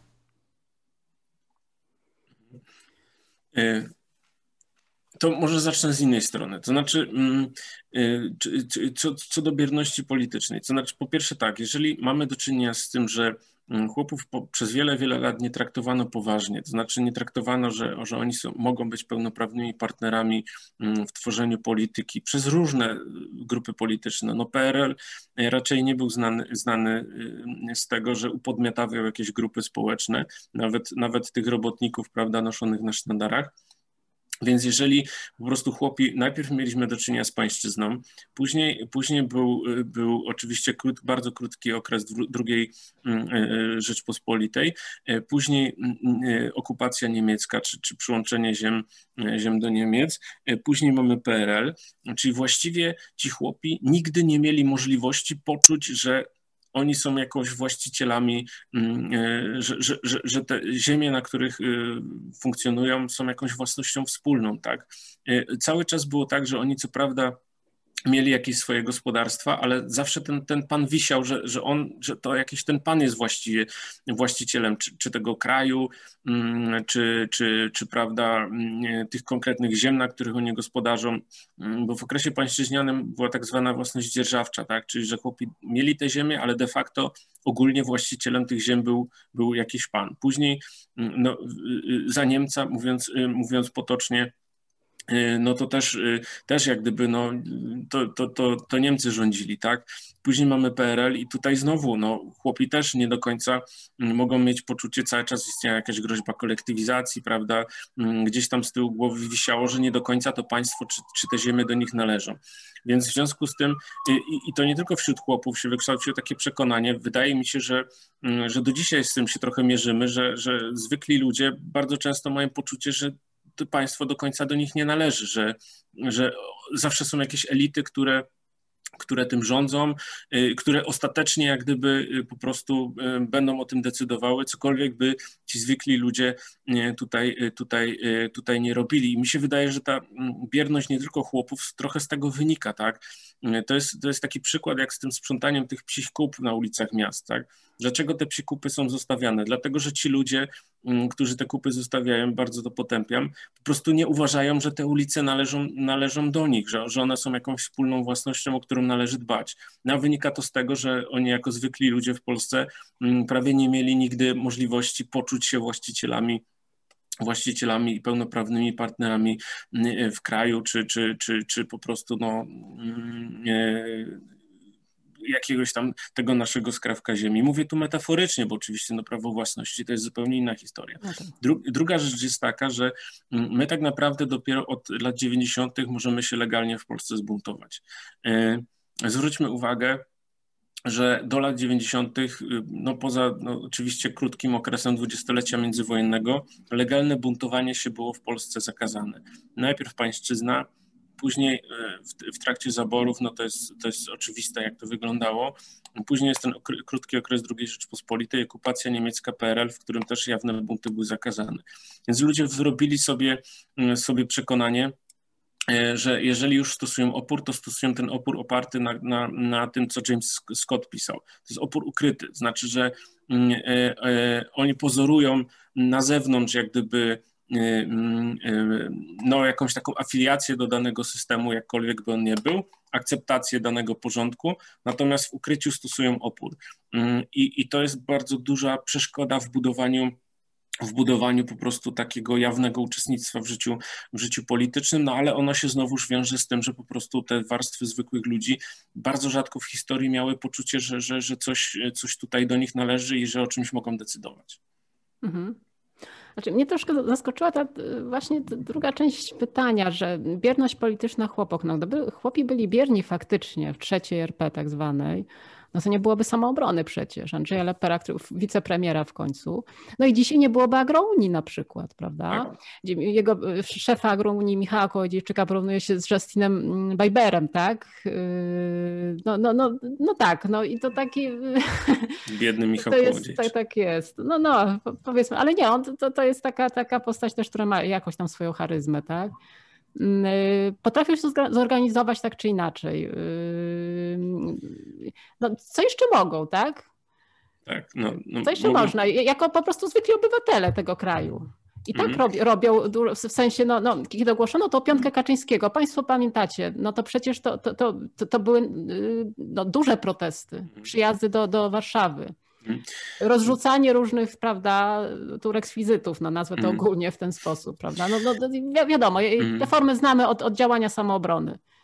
Właśnie Opis też... widocznie na scenie politycznej mi się mm. wydaje, y, ale w sensie tej oddolnej oczywiście obywateli, mm. bo, bo ja nie mówię o, o, o partiach w tym momencie. Mm. To nie o to chodzi. Właśnie dobrze, że mhm. pani zwróciła uwagę, jakkolwiek byśmy samoobrony nie oceniali i Andrzeja Lepera i tak dalej, to, tak. to zupełnie nie o to chodzi, ale zwróćmy uwagę, że te masowe protesty, które de facto, pod które de facto w pewnym momencie Andrzej Leper się podpiął, one spowodowały, że te neoliberalne reformy wprowadzone w latach 90., one były bardzo drastyczne, ale nie były aż tak, jak, jak mogliśmy się tego spodziewać przez różnego rodzaju wprowadzone ruchy. Znaczy, no, w wyniku tych protestów no, mm, y, doszło do zmiany Ministerstwa Finansów jednak i przyszła osoba, która, mm, mm, która próbowała przynajmniej te kredyty galupujące, które mordowały gospodarstwa chłopskie, jakoś, y, jakoś y, unormować. Więc, więc jak najbardziej, no to trzeba, czy to nie jest znowu tak, mamy pytanie, ale już tylko mhm. ostatnie słowo, czy to nie jest znowu tak, że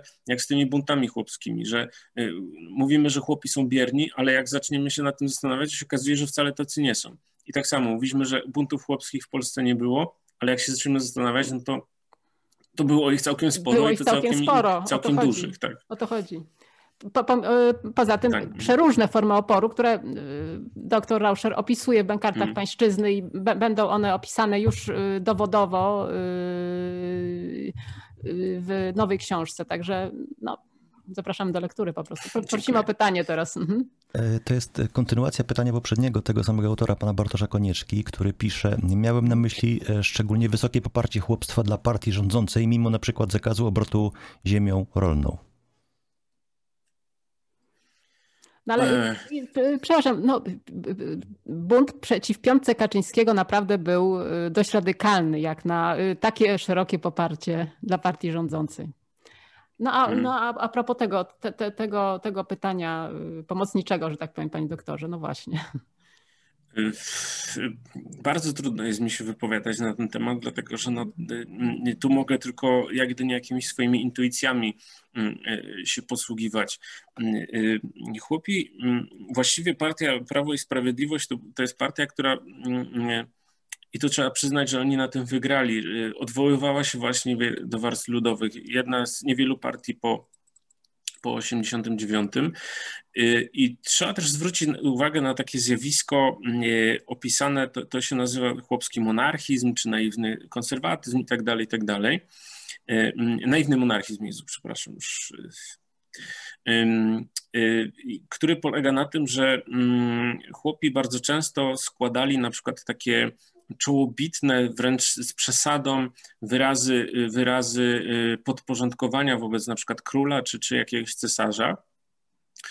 I y, to z jednej strony wynikało oczywiście z tego, że no jakoś tam się czuli, nie wiem, jego poddanymi, czy, czy czuli respekt przed władzą, ale są takie przykłady w historii, które pokazują, że czasami oni po prostu w ten sposób władzą manipulowali. Znaczy takie nadmierne, wręcz czołobitne poparcie to taki trochę mechanizm e, takiej naiwnej psychologii, tak? Że tak bardzo wyrażali oddanie dla danego króla, że ten król mówił, no to jak oni są tacy, tacy tutaj, prawda, dla mnie dobrzy, no to ja im też coś dam, nie? No to dobra, no to im tam tu, prawda, tu zwolnienie z podatku i tak dalej, i tak dalej. I, I, kilka przykładów w historii można takich, takich, yy, takich odnaleźć. Yy, taki naiwny monarchizm na przykład występował przy okazji rabacji galicyjskiej, gdzie chłopi w ten sposób ukrywali po prostu to, co zrobili, że, że dokonali re, rewolucji społecznej kiedy tam przychodzili żołnierze na, na, na pacyfikację do danych wsi, to oni mówili, ale my, my tu z miłości do, cara, do cesarza zrobiliśmy, tak? My, my tylko chcieliśmy bronić cesarza, no dlaczego wy nas teraz chcecie tutaj mm, pacyfikować? E, więc, więc taki, e, taka ta relacja trochę ludowej, e, ludowej psychologii, która próbuje właśnie w ten sposób manipulować władzą, że oddaje jakiś taki czołobitny, mm, czołobitny hołd i dzięki temu chce uzyskać jakieś korzyści. Mam taką intuicję, że tutaj też może być, e, może być na mhm. rzeczy. Ale to, to jest tylko moja intuicja, nie chcę, nie chcę się robić specjalistą w tym zakresie. Tak? Jasne. Y, panie doktorze, skoro była mowa o, o rabacji, no to y, zaczepmy to pytanie. Szela, prawda? No, nie da się uniknąć po prostu. No dlaczego się nie da uniknąć tej postaci? No, najważniejsza postać rabacji, w sensie no, w pewnym momencie dyktator, dyktator tego powstania ludowego. Tak jest. E, e, właśnie, no, po, postać, która ma czarną legendę, białą legendę, czerwoną, czerwoną legendę. Czerwoną legendę, tak jest. E, ja bym chciał zwrócić tutaj uwagę na jedną rzecz. To znaczy, mm, po pierwsze, no, my bardzo często do rabacji podchodzimy wykorzystując jakieś schematy, które pojawiły się po samej rabacji, opisywania jej przez pryzmat, przez pryzmat właśnie takiej, mm, tych tekstów, które pojawiły się bezpośrednio po rabacji, a dotyczyły na przykład osób zaangażowanych, czyli najczęściej wywodzących się z jakiejś tam lokalnej szlachty czy ziemiaństwa, które ucierpiała. I tam bardzo mocno ciąży na tym postrzeganie rabacji jako właśnie takiego zrywu pijanej tłuszczy, mm, prawda, tych wszystkich określeń, że tłum, jakieś mas, motłoch tam, prawda, i tak dalej, i tak dalej. No i, I to nam przeszkadza trochę w rozumieniu tego, co tam się właściwie stało.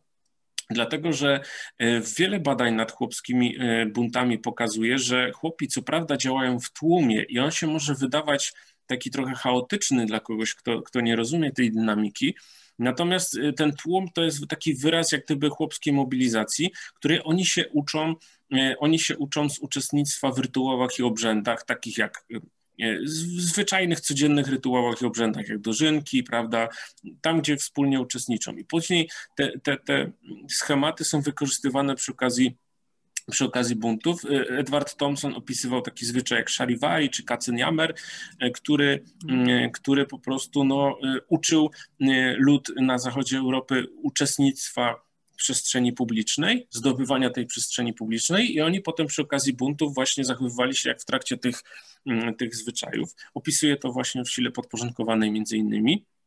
Więc jak gdyby ten tłum, czy ten tak zwany w cudzysłowie motłoch, on się kierował pewną specyficzną logiką. I w ramach e, różnego rodzaju rzeczy, które tam się pojawiły przy okazji rabacji, no Szela wyrósł bardzo szybko na takiego lokalnego przywódcy, te, powiedzmy sobie takiego dyktatora tego powstania, mm, powstania chłopskiego i on się kierował swoimi specyficznymi celami, do których dążył.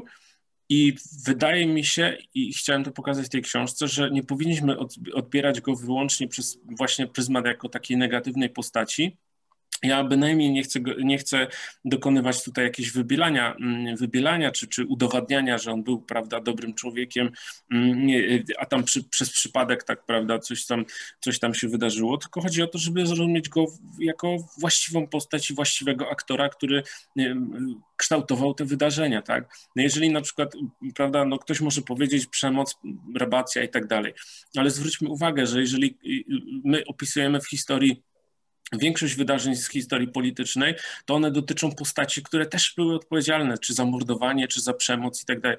Po prostu przy okazji rabacji bardzo często wychodzi coś takiego, że my zapominamy o systemowej przemocy, jaka dotykała chłopów przez lata, tak? Jeżeli ktoś mówi, że, że tam przy powstaniu Chmielnickiego chłopi stosowali brutalną przemoc, no tak, no ale to właśnie na, na tych terenach szlachta wprowadziła karę na, nabijania na pal ludzi, mhm. tak? I, I mhm. robiła to w sposób widowiskowy, więc, więc to nie jest tak, że, że prawda, mamy też mnóstwo przykładów, prawda, o, o, o, właścicielach chłopów, którzy, którzy po prostu dla swojej jakiejś tam uciechy biczowali, karali, potem kazali sobie całować się jeszcze za to wpa- Więc to jest, to jest też pewnego rodzaju akcja-reakcja. Ale wracając jeszcze do tematu. Mm, bardzo często po prostu opisywane przez nas postaci historyczne generałów, polityków, to są też postacie już odpowiedzialne za, mm, za, za, za, za śmierć, odpowiedzialne za przemoc, a, a tutaj jak gdyby no, rozpatrujemy te postacie jako racjonalnych aktorów. W przypadku chłopskiego przywódcy powinniśmy go też rozpatrywać jako pewnego racjonalnego aktora, który dążył do jakichś swoich y, y, jakkolwiek rozumianych racjonalnych celów i operował w ramach, w ramach środków, które mu były dostępne, a my tego nie robimy, bo na to nakładamy mitologię, że mm, chłop to przecież głupi, to Austriacy go musieli tak prawda, sterować tak nim i tak dalej, a zapominamy o jednej ważnej kwestii, że mm, y, że, że, że, po prostu no, w Austrii rządził wtedy bardzo konserwatywny Metternich, prawda?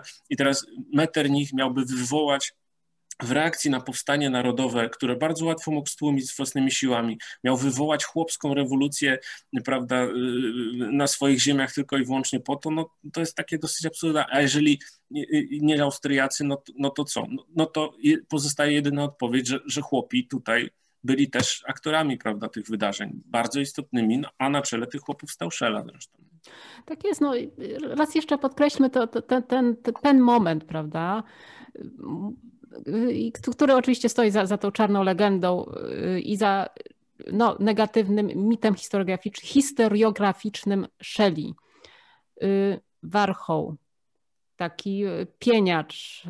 Y, znaczy, to nie był dobry człowiek, generalnie jak wynika y, też z opisów z, i ze źródeł charakterologicznie, bo on był agresywny, przemocowy wobec rodziny także, prawda? No to był taki mhm. raptus, taki rap, no ale jakąś tam charyzmę jednak przywódczą miał tak. mimo wszystko. Natomiast y, oczywiście historiografia odbiera mu podmiotowość polityczną. Przedstawia mhm. jako zbrodniarza, natomiast kierującego się irracjonalnymi no, albo irracjonalnie, albo po prostu agensa austriackiego tak. oczywiście, czyli hmm. znowu siły zewnętrzne, y, bo on sam y, no, no nie byłby w stanie, no, bo prawda? Był chłopem, tak. Bo był tylko chłopem, tak. Zapominamy, że tak Piłsudski też, też y, w tym rozumieniu powinien być traktowany jako agent y, austriacki. Przecież y, no, zobaczmy, gdzie, gdzie były organizowane no, legiony, tak, kto, kto brał udział finansowy w tym wszystkim, a jakoś na to nie patrzymy w ten sposób. Bo to tak? inny rodzaj człowieka był, no, tak? Więc właśnie. W ten sposób. Ale mhm. też chciałem podkreślić, że, że my powinniśmy mm, też bardzo mocno uważać przy okazji historii ludowych czy historii rewolucji. Znaczy, ludzie mają bardzo często skłonność do takiego manichejskiego myślenia na zasadzie, że a chłopi to, to są dobrzy, e, a szlachta zła na przykład, tak? Albo, że szlachta zła, e, szlachta dobra, a chłopi źli. E, trzeba, i, I potem, jak, jeżeli na przykład pojawiają się jakieś takie mm, rzeczy, które wskazują, że, że ci chłopi wcale tacy dobrzy nie byli, to albo im zaprzeczamy, albo je bagatelizujemy. Natomiast właśnie ja, ja cały czas apeluję, żeby nie patrzeć na to w ten sposób manichejski, tak? Mm, że, że my mamy jakąś do, stronę dobra i stronę zła, bo to jest wszystko bardzo skomplikowane. I to jak pani zwróciła uwagę, że Szela czy czy, y, no nie, mógł rzeczywiście nie być dobrym człowiekiem, ale to, to nie zmienia, że, że miał bardzo mocny udział w rabacji. I teraz nie powinniśmy twierdzić, że w związku z tym, że był złym człowiekiem, to, y, to, to y, ten jego udział w rabacji możemy po prostu mhm. sobie zbyć, twierdząc, że, że prawda, no, no, bo był złym człowiekiem, tak? No ale powinniśmy to zrozumieć, y, jego rolę, zrozumieć jego motywację i tak dalej, a nie tylko twierdzić, mhm. że był złym człowiekiem, w związku z tym możemy o nim mówić tylko złe rzeczy i, i, i prawda, tak, wszystkie dezawuować jego działania. Absolutnie. No myślę, że oboje polecimy tą książkę Radka Raka, laureatkę, prawda, Nikę, Oczywiście. tegorocznej, przypomnę, Basia o wężowym sercu albo słowo wtóre o Jakubie Szeli. Podkreślam słowo wtóre, które e, no, dekonstruuje legendy. No mhm. te wszystkie, które, które pan wymienił. I czarną, i białą, i, i, i czerwoną. Natomiast baśń, e, no e, jasne, to jest specyficzne podejście, które wprowadza nas w taki, taki rodzaj, mm, ja bym powiedziała, oczywiście realizmu magicznego. Y, nie po raz pierwszy przekonuje się, że y, dzięki temu takiemu podejściu y, można opowiadać o rzeczach tragicznych.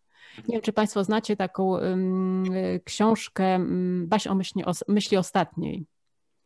Edgara Hildenrata, mhm. to jest ocalony z zagłady Niemiec, Żyd niemiecki.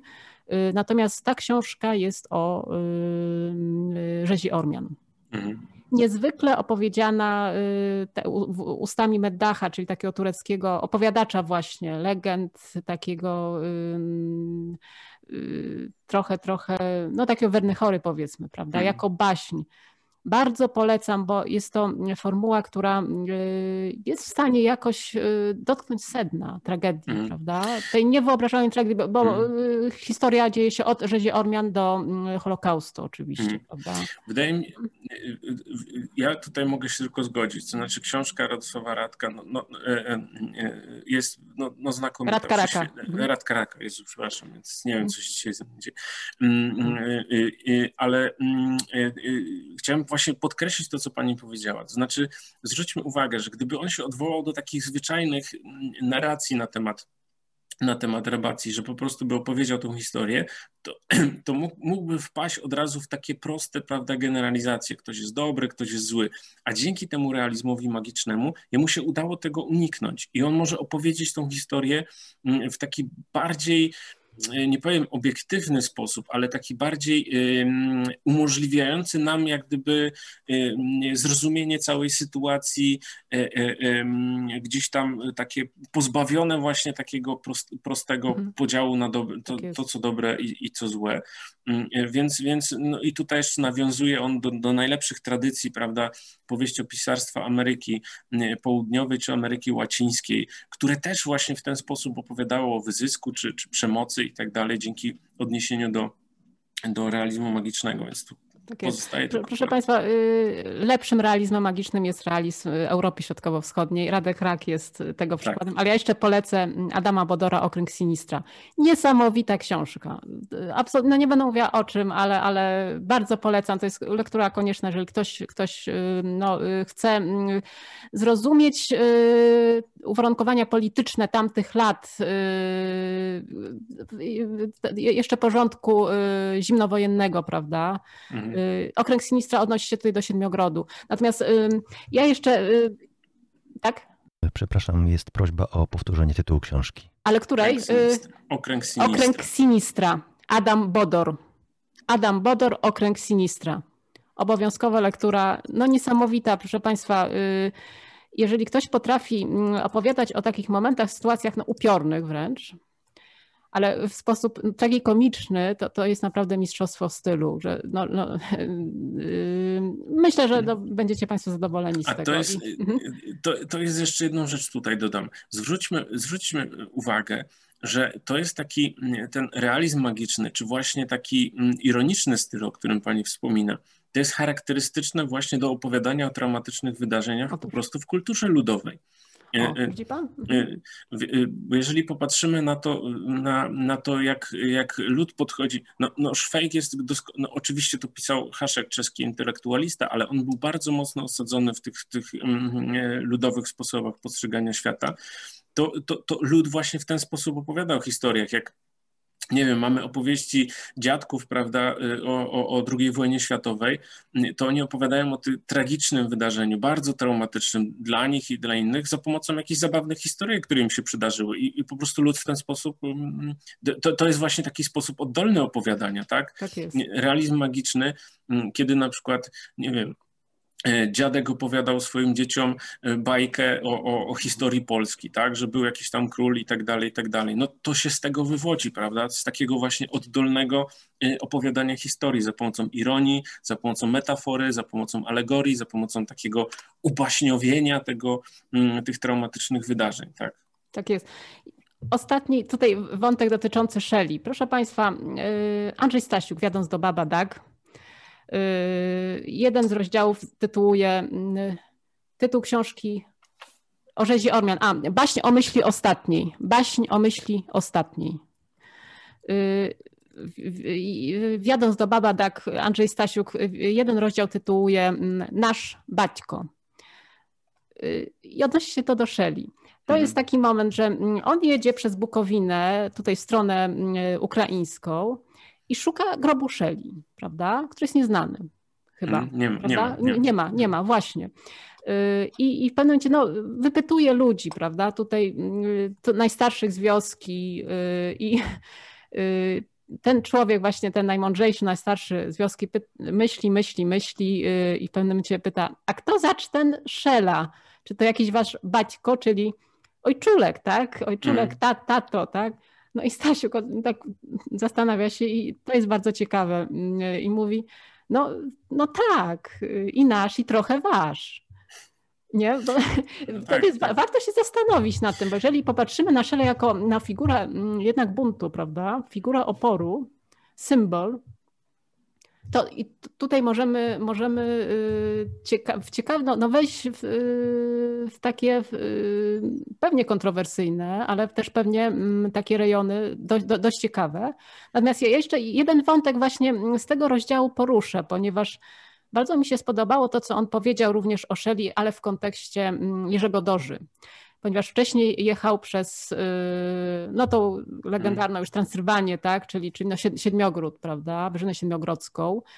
Y, I jak relacjonuje to tym swoim stylem, prawda, że no jedzie między tymi kukurydzianymi polami i, i snuje taką refleksję. W 1514 szły te tabuny y, chłopów pod wodzą króla tak chłopskiego Jerzego Doży. To miało jeszcze związek z krucjatą, prawda, Prze przeciw Turkom. Mm. Natomiast yy, wiadomo, że to powstanie było krwawo stłumione.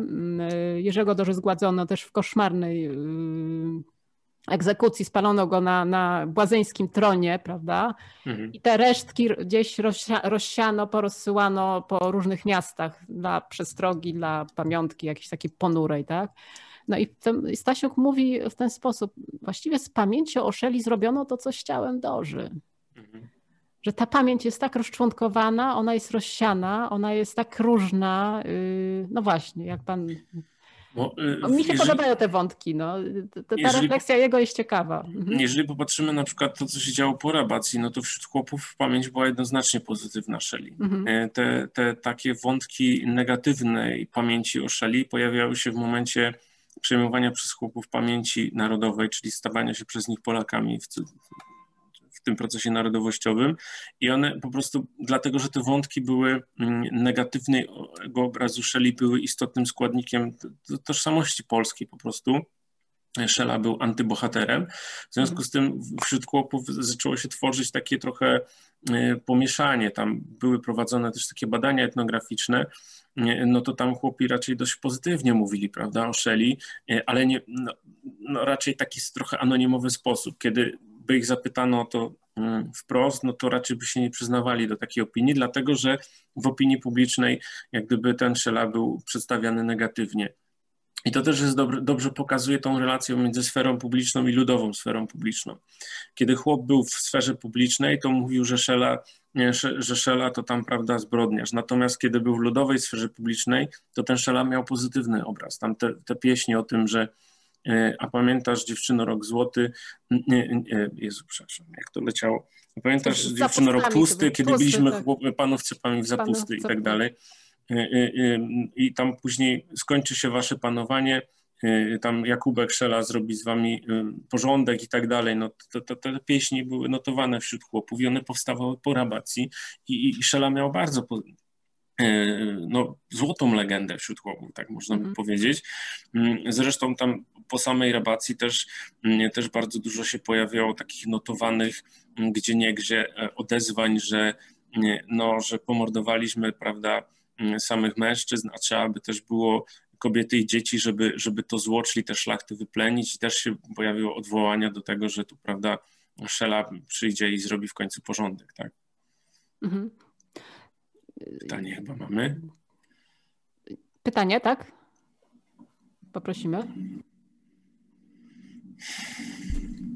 E, to jest może nie tyle pytanie, co komentarz e, też pana Bartosza Konieczki, natomiast wydaje mi się, że to może być ciekawy wątek, który, do którego jeszcze można nawiązać.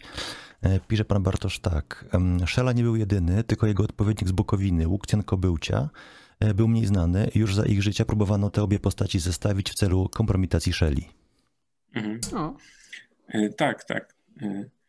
Y, y, co, co, można by tutaj jeszcze dodać, ten, ten wątek z baćką, dlatego że w, przede wszystkim wśród ludności rusińskiej czy ruskiej, ten, ten wątek Baćki, czyli takiego ludowego, mm, powiedzmy, bohatera, który przyjmuje władzę i dzięki niemu obala się ten porządek, podporządkowania, on też wyszedł, tylko że on bardziej wyszedł na mm, w, w, w, takiej powiedzmy wschodniej części Ukrainy przy okazji powstania y, Nestora Machno. Tam też było, że o Nestorze Machno mówi, no, że to Baćko jest nasz, tak? Mm -hmm.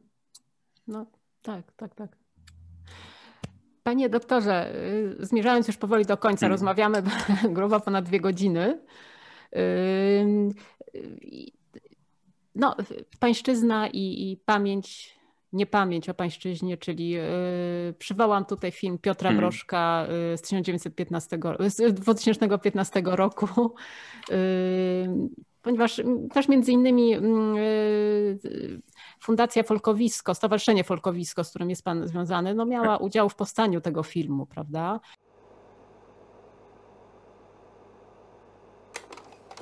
Magda Bartecka, wieśniaczka mieszkająca w Warszawie. Hrabia Franciszek Antoni Leduchowski, malarz artysta. Magda i Franek są w podobnym wieku. Ich dzieciństwo i okres dojrzewania przebiegały podobnie. Chrzciny, pierwszy sakrament, pierwszy seks. Magda odnajduje Franciszka i proponuje wspólną podróż w przeszłość ich rodzin. Salczyk cały czas. Taki gość, który chodzi w głowie cały czas. A ty byłeś kiedyś na takiej wsi, wsi prawdziwej wsi, gdzie nic nie ma? Co masz na myśli wieś, wieś? No, Tam, gdzie nic byłem nie na bardzo różnych wsiach. Yy, nawet takich wsiach yy, koło Białego Stoku. Co prawda yy, był tam pałac, yy, dom dziennikarza. No, ja jestem żywym dinozaurem. E, jestem żywym świadectwem e, dawnych czasów, ale zarazem jestem e, dzieckiem swoich czasów. I to jest taki paradoks. To, to może być, to jest właśnie ciekawe w tym. I mogę być e, takim obiektem,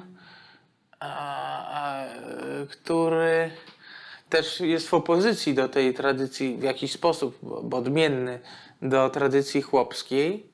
Ja byłem od dzieciństwa przekonany e, o swojej wyższości, e, która nie wynikała z mojego pochodzenia czy, czy, czy z czegokolwiek innego, tylko po prostu zostało mi to wpojone przez, przez rodziców, że jestem kimś nadzwyczajnym, po prostu byłem rozpieszczony. Bo mój tata jest właśnie e, pchaj się, nie zapieraj się, a mama jest takim elementem, żeby jednak zaakceptować jakieś swoje niedoskonałości i, i, i zaakceptować jakiś swój brak zdolności w jakimś obszarze, żeby po prostu to zaakceptować i z tym żyć, nie? A ja jestem zupełnie osobą, która nie akceptuje słabości. Zrobiłem się ściany lasu, teraz namalowałem taki bardzo dobry obraz.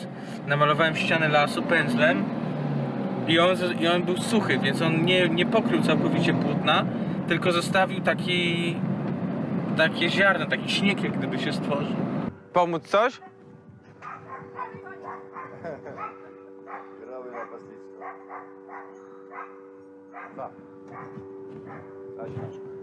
Tak, Może... że y, ja uważam, czy Magda się nie zgadza, no. że żyjemy w takich czasach, że te różnice już nie istnieją i że pomiędzy mną a Magdą mhm. nie ma wyrazistych różnic Eee, ale właśnie jak ty jest, byś chciał ustanawiać? Tak, ale nawet jest, nawet w twoich gestach jest.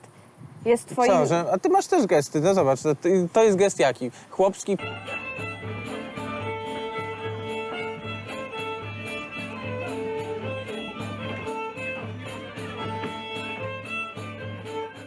I no, y, oczywiście pytanie jest takie, jak dzisiaj, już z pewnej perspektywy, na ten film się patrzy? Mhm. Na tych oboje bohaterów, prawda, Magda Bartecka, Franciszek Leduchowski, y, tutaj te sytuacje, w których byli, by, były, byli oboje stawiani ich, ich specyficzna też postawa, bo przypomnę, Magda Bartecka, mm, no, ciągle ta powtarzająca Mhm. Ktoś, ktoś nawet stwierdził, że snobuje się na to chłopstwo nieustannie, co ona chce udowodnić i tak dalej. Chyba z wykształcenia psycholożka, prawda? Mm, typowa przedsta przedstawicielka y, dzisiejszej klasy średniej y, i to, że ciągle mówi, że chłopka, że ze wsi i tak dalej. No, no właśnie.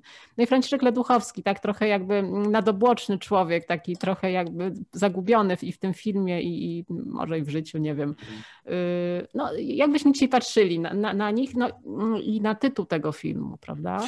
Znaczy, ja, ja, patrzę na ten film trochę tak, że on był taki otwierający. No, niewątpliwie on się, on się zestarzał do, do dzisiaj no, z, z, całym szacunkiem dla, dla pracy, jaką wykonali i próby. Natomiast on był otwierający, dlatego że wtedy była też ta słynna wystawa oczywiście, przepraszam, dzisiaj mam straszne dziury w głowie, artysty, który zrobił tą, tą bramę pańszczyźnianą, tak, tak prawda, ten, on mhm. tam, y, y, nie, y, nie, I on tam wtedy jeździł po Polsce z tą bramą. Pojawił się ten film. To wtedy było przy okazji też którejś rocznicy zniesienia pańszczyzny w Królestwie, Królestwie Polskim, więc tam się trochę zbiegło tych różnych rzeczy. I ten film był, ja, ja, ja bym go traktował jako taki film otwierający. Znaczy, on znowu po raz kolejny wprowadził tę tematykę tę tematykę pańszczyzny do, do, do dyskusji publicznej, jakiejś takiej w miarę, w miarę publicznej. Natomiast czy, czy y, y, na dzień dzisiejszy on się zestarzał, ale tylko i wyłącznie dzięki temu, że, że wykonał swoją pracę. To znaczy od niego się zaczęła dyskusja i dzięki temu, że myśmy zaczęli mm, y, na ten temat dyskutować, dzięki temu, że zaczęły się pojawiać prace, że zaczęły się pojawiać audycje, że, że ludzie się tym zaczęli interesować, my już dużo więcej w przestrzeni publicznej na ten temat wiemy. Mm, I dzisiaj pewnie byśmy ten film y, trochę inaczej zrobili. Natomiast y, ja go traktuję przede wszystkim jako taki dobry film otwierający. Znaczy, rzucił temat, i być może nawet właśnie przez, przez jakieś takie mm, e, rzeczy, do których można się w tym filmie przyczepić, on wywołał dyskusję, tak? No bo mm, tak. to, to, chyba był trochę efekt niezamierzony tego, bo zwróćmy uwagę na takie porównanie postawy mm, e, jej i, i, i, i panicza, tak? Przepraszam za takie określenie, nie chcę tutaj go dezawuować. Znaczy on, on, on, całkiem sprawnie, prawda, językowo był bardzo taki pewny, E, potrafił się porozumiewać i tak dalej, dlatego że no, to trochę było u niego odziedziczone. Natomiast ona, jak słusznie zauważyła, pochodząca ze wsi, ale która znalazła się, mm, która znalazła się no, no, nagle jako część klasy średniej, no trochę nie do końca ma te schematy funkcjonowania w tej, w tej klasie średniej. To tak trochę poniekąd wyszło, wyszło w tle, tak, że, że, hmm. że mm, no, ewidentnie brakowało spójnej opowieści, y, y, y, opowieści o swoich ludowych korzeniach, ale dlatego, że my po prostu w Polsce tej takiej spójnej opowieści nie mamy. U nas ludowość jest traktowana albo jako paździerz, taki, prawda, śmieszny dodatek, disco polo i tak dalej, i tak dalej, albo jako taki rodzaj skansenu, czyli to, to, też jest bardzo ciekawe, że my kojarzymy, prawda, ludowość z jakimiś strojami ludowymi, które de facto były, no, no, ale to nie są uniwersalne stroje ludowe, że chłopak się zawsze ubierał, tylko ubierał się w pewnym określonym momencie i w określonym czasie, tak, że, że my traktujemy jako ludowe stroje z chłopów z XIX wieku. E, więc, więc, więc to jest mhm. to, tak, że, że my po prostu, i ten film mi się wydaje to dobrze, tylko poniekąd trochę trochę, trochę mimochodem pokazywał, że, że jeżeli ktoś, ktoś ma to takie pochodzenie klasy wyższych, no to ma bardzo dobrą opowieść o swojej przyszłości i bardzo dobrze się w tej opowieści porusza e, i, i bardzo pewne ma punkty odniesienia. Natomiast jeżeli ktoś mm, ma przyszłość ludową i chce dodatkowo jeszcze o tej przyszłości ludowej coś powiedzieć, e, to tak naprawdę trochę zachowuje się histerycznie, bo po prostu tej opowieści o, o ludowych, mm, ludowej przeszłości e, nie mamy i, i nie potrafimy jej E, jeszcze jej sobie nie stworzyliśmy i tak bym chyba skomentował. Mhm, mhm. Znaczy ja miałam o, o tyle troszeczkę różne odczucie w, w, w, odniesieniu do Franciszka Leduchowskiego, mm. no panicza, tak? No on mi się taki zagubiony wydawał y, i takim człowiekiem, który w pewnym momencie zwraca się do ojca Magdy i mówi, no my w zasadzie y, w tym momencie się nie różnimy od siebie. Uważam, że w tym sensie, że, że należymy do, do, do tej samej warstwy Y, tych warszawiaków, prawda, to z jednej strony. Natomiast jeżeli chodzi o tę opowieść tożsamościową, to tę opowieść miał jego ojciec, natomiast on tak. już nie za bardzo, tak mi się wydawało. Tak, no, pod jego takie zagubienie. Mhm. Właśnie, no właśnie, trochę taki, taka dezorientacja w tym filmie, to, co można było po trosze zrozumieć, prawda? Był obsadzony w pewnej roli, powiedzmy, ta jego, ta jego praca z tymi mm, snopkami, tak, mhm. I, i, tak dalej. Natomiast też zabawny moment y, Magdy, która szykowała poczęstunek, tak, obiad, no to wydawałoby się, że no postawi jak, jakieś wiejskie jadło, kulasze chociażby, tak, mhm. a tu jakieś spaghetti bolognese, no, no. Które de facto to jest znaczy, teraz no? Chyba bardziej chłopskim jadłem niż, niż może jakieś tak. rzeczywiście chłopskie jadło. Tak. Może i tak, może i tak. No w każdym razie tak, no, mimo wszystko moment był ważny, bo, bo tak jak pan słusznie zauważył, podniosło to dyskusję, przywróciło temat, prawda? Hmm. I, i, i, I dobrze, i dobrze, że, że, że tak, tak się stało. Yy, no ale panu się marzy polskie Django, tak? Oj tak. znaczy ja jestem wielkim fanem w ogóle kina, mm, kina popularnego, i, mhm. a zwłaszcza te, tej trylogii, mm, tak zwanej trylogii zemsty Tarantino, czyli Kill Bill, Django i, i Bękarty, e, Wojny. Mhm. Mm, e, no i, i myślę, że, że właśnie historia ludowa e, mogłaby nam niesamowicie dużo wątków dostarczyć do stworzenia takiego kina, dobrego kina popularnego, i, i można by od takiego Django zacząć, tak? No, bardzo wiele historii, których miałem szczęście opisywać, szczęście, nieszczęście, y, no to nadaje się po prostu już na, na gotowy scenariusz, tylko trzeba hmm. go przepisać Jasne. i nakręcić, tak? No i oczywiście zdobyć fundusze. Mm, y, y, więc, więc to, to myślę, że, że, że tutaj no, myśmy wykonali swoją pracę, teraz filmowcy i filmowczynie powinni podjąć ten temat i nakręcić hmm. całą serię, prawda, Django, ludowych horrorów, i tego typu. No to świetne typu. było, jasne.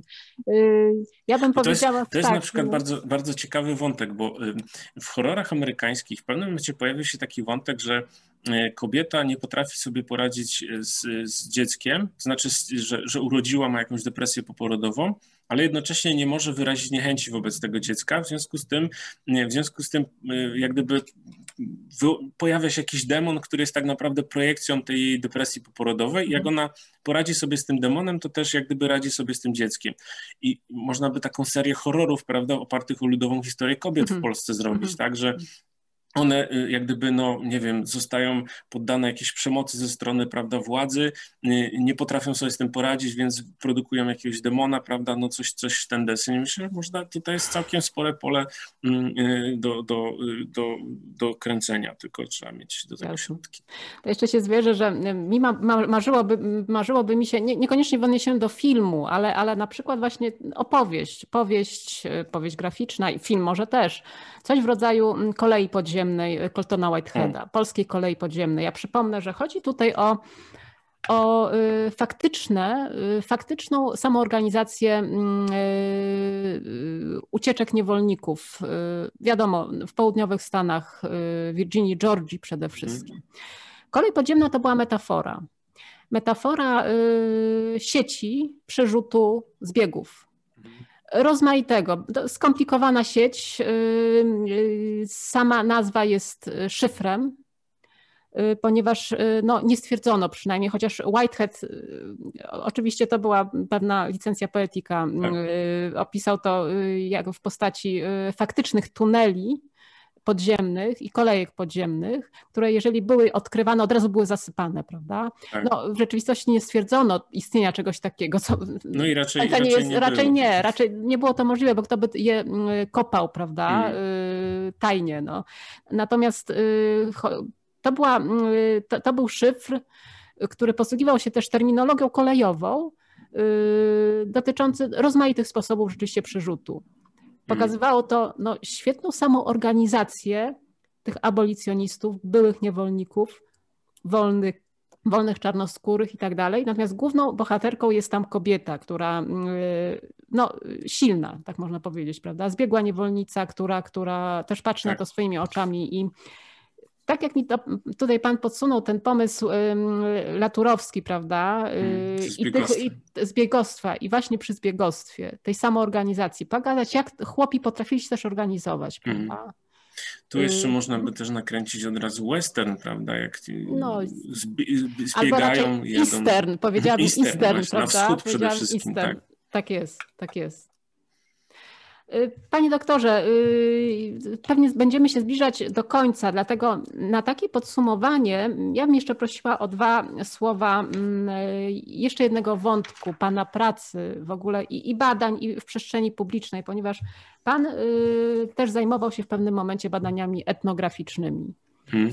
No w tych ciekawych rejonach, Górny Śląsk, prawda, Podhale, tak. Spisz. Króciutko, co to było na koniec? Mhm. E, Górny Śląsk to przede wszystkim były badania tożsamościowe nad kształtowaniem się tożsamości Górnoślązaków. Sam pochodzę z Górnego Śląska mm. i jestem też Ślązakiem, więc o tyle to było łatwe, że mówię po, po śląsku. Mm, I po prostu no, chodziliśmy i rozmawialiśmy z ludźmi, znaczy prowadziliśmy wywiady na ten temat. Natomiast na Spiszu e, ja prowadziłem badania w trakcie studiów, to były takie badania organizowane przez, przez naszego profesora E, który tam badał różne elementy kultury ludowej, no i myśmy tam jeździli właśnie mm, zbierać mu materiały i prowadzić wywiady do tego. Ja mm, zajmowałem się kwestią swój obcy właśnie przede wszystkim na Spiszu.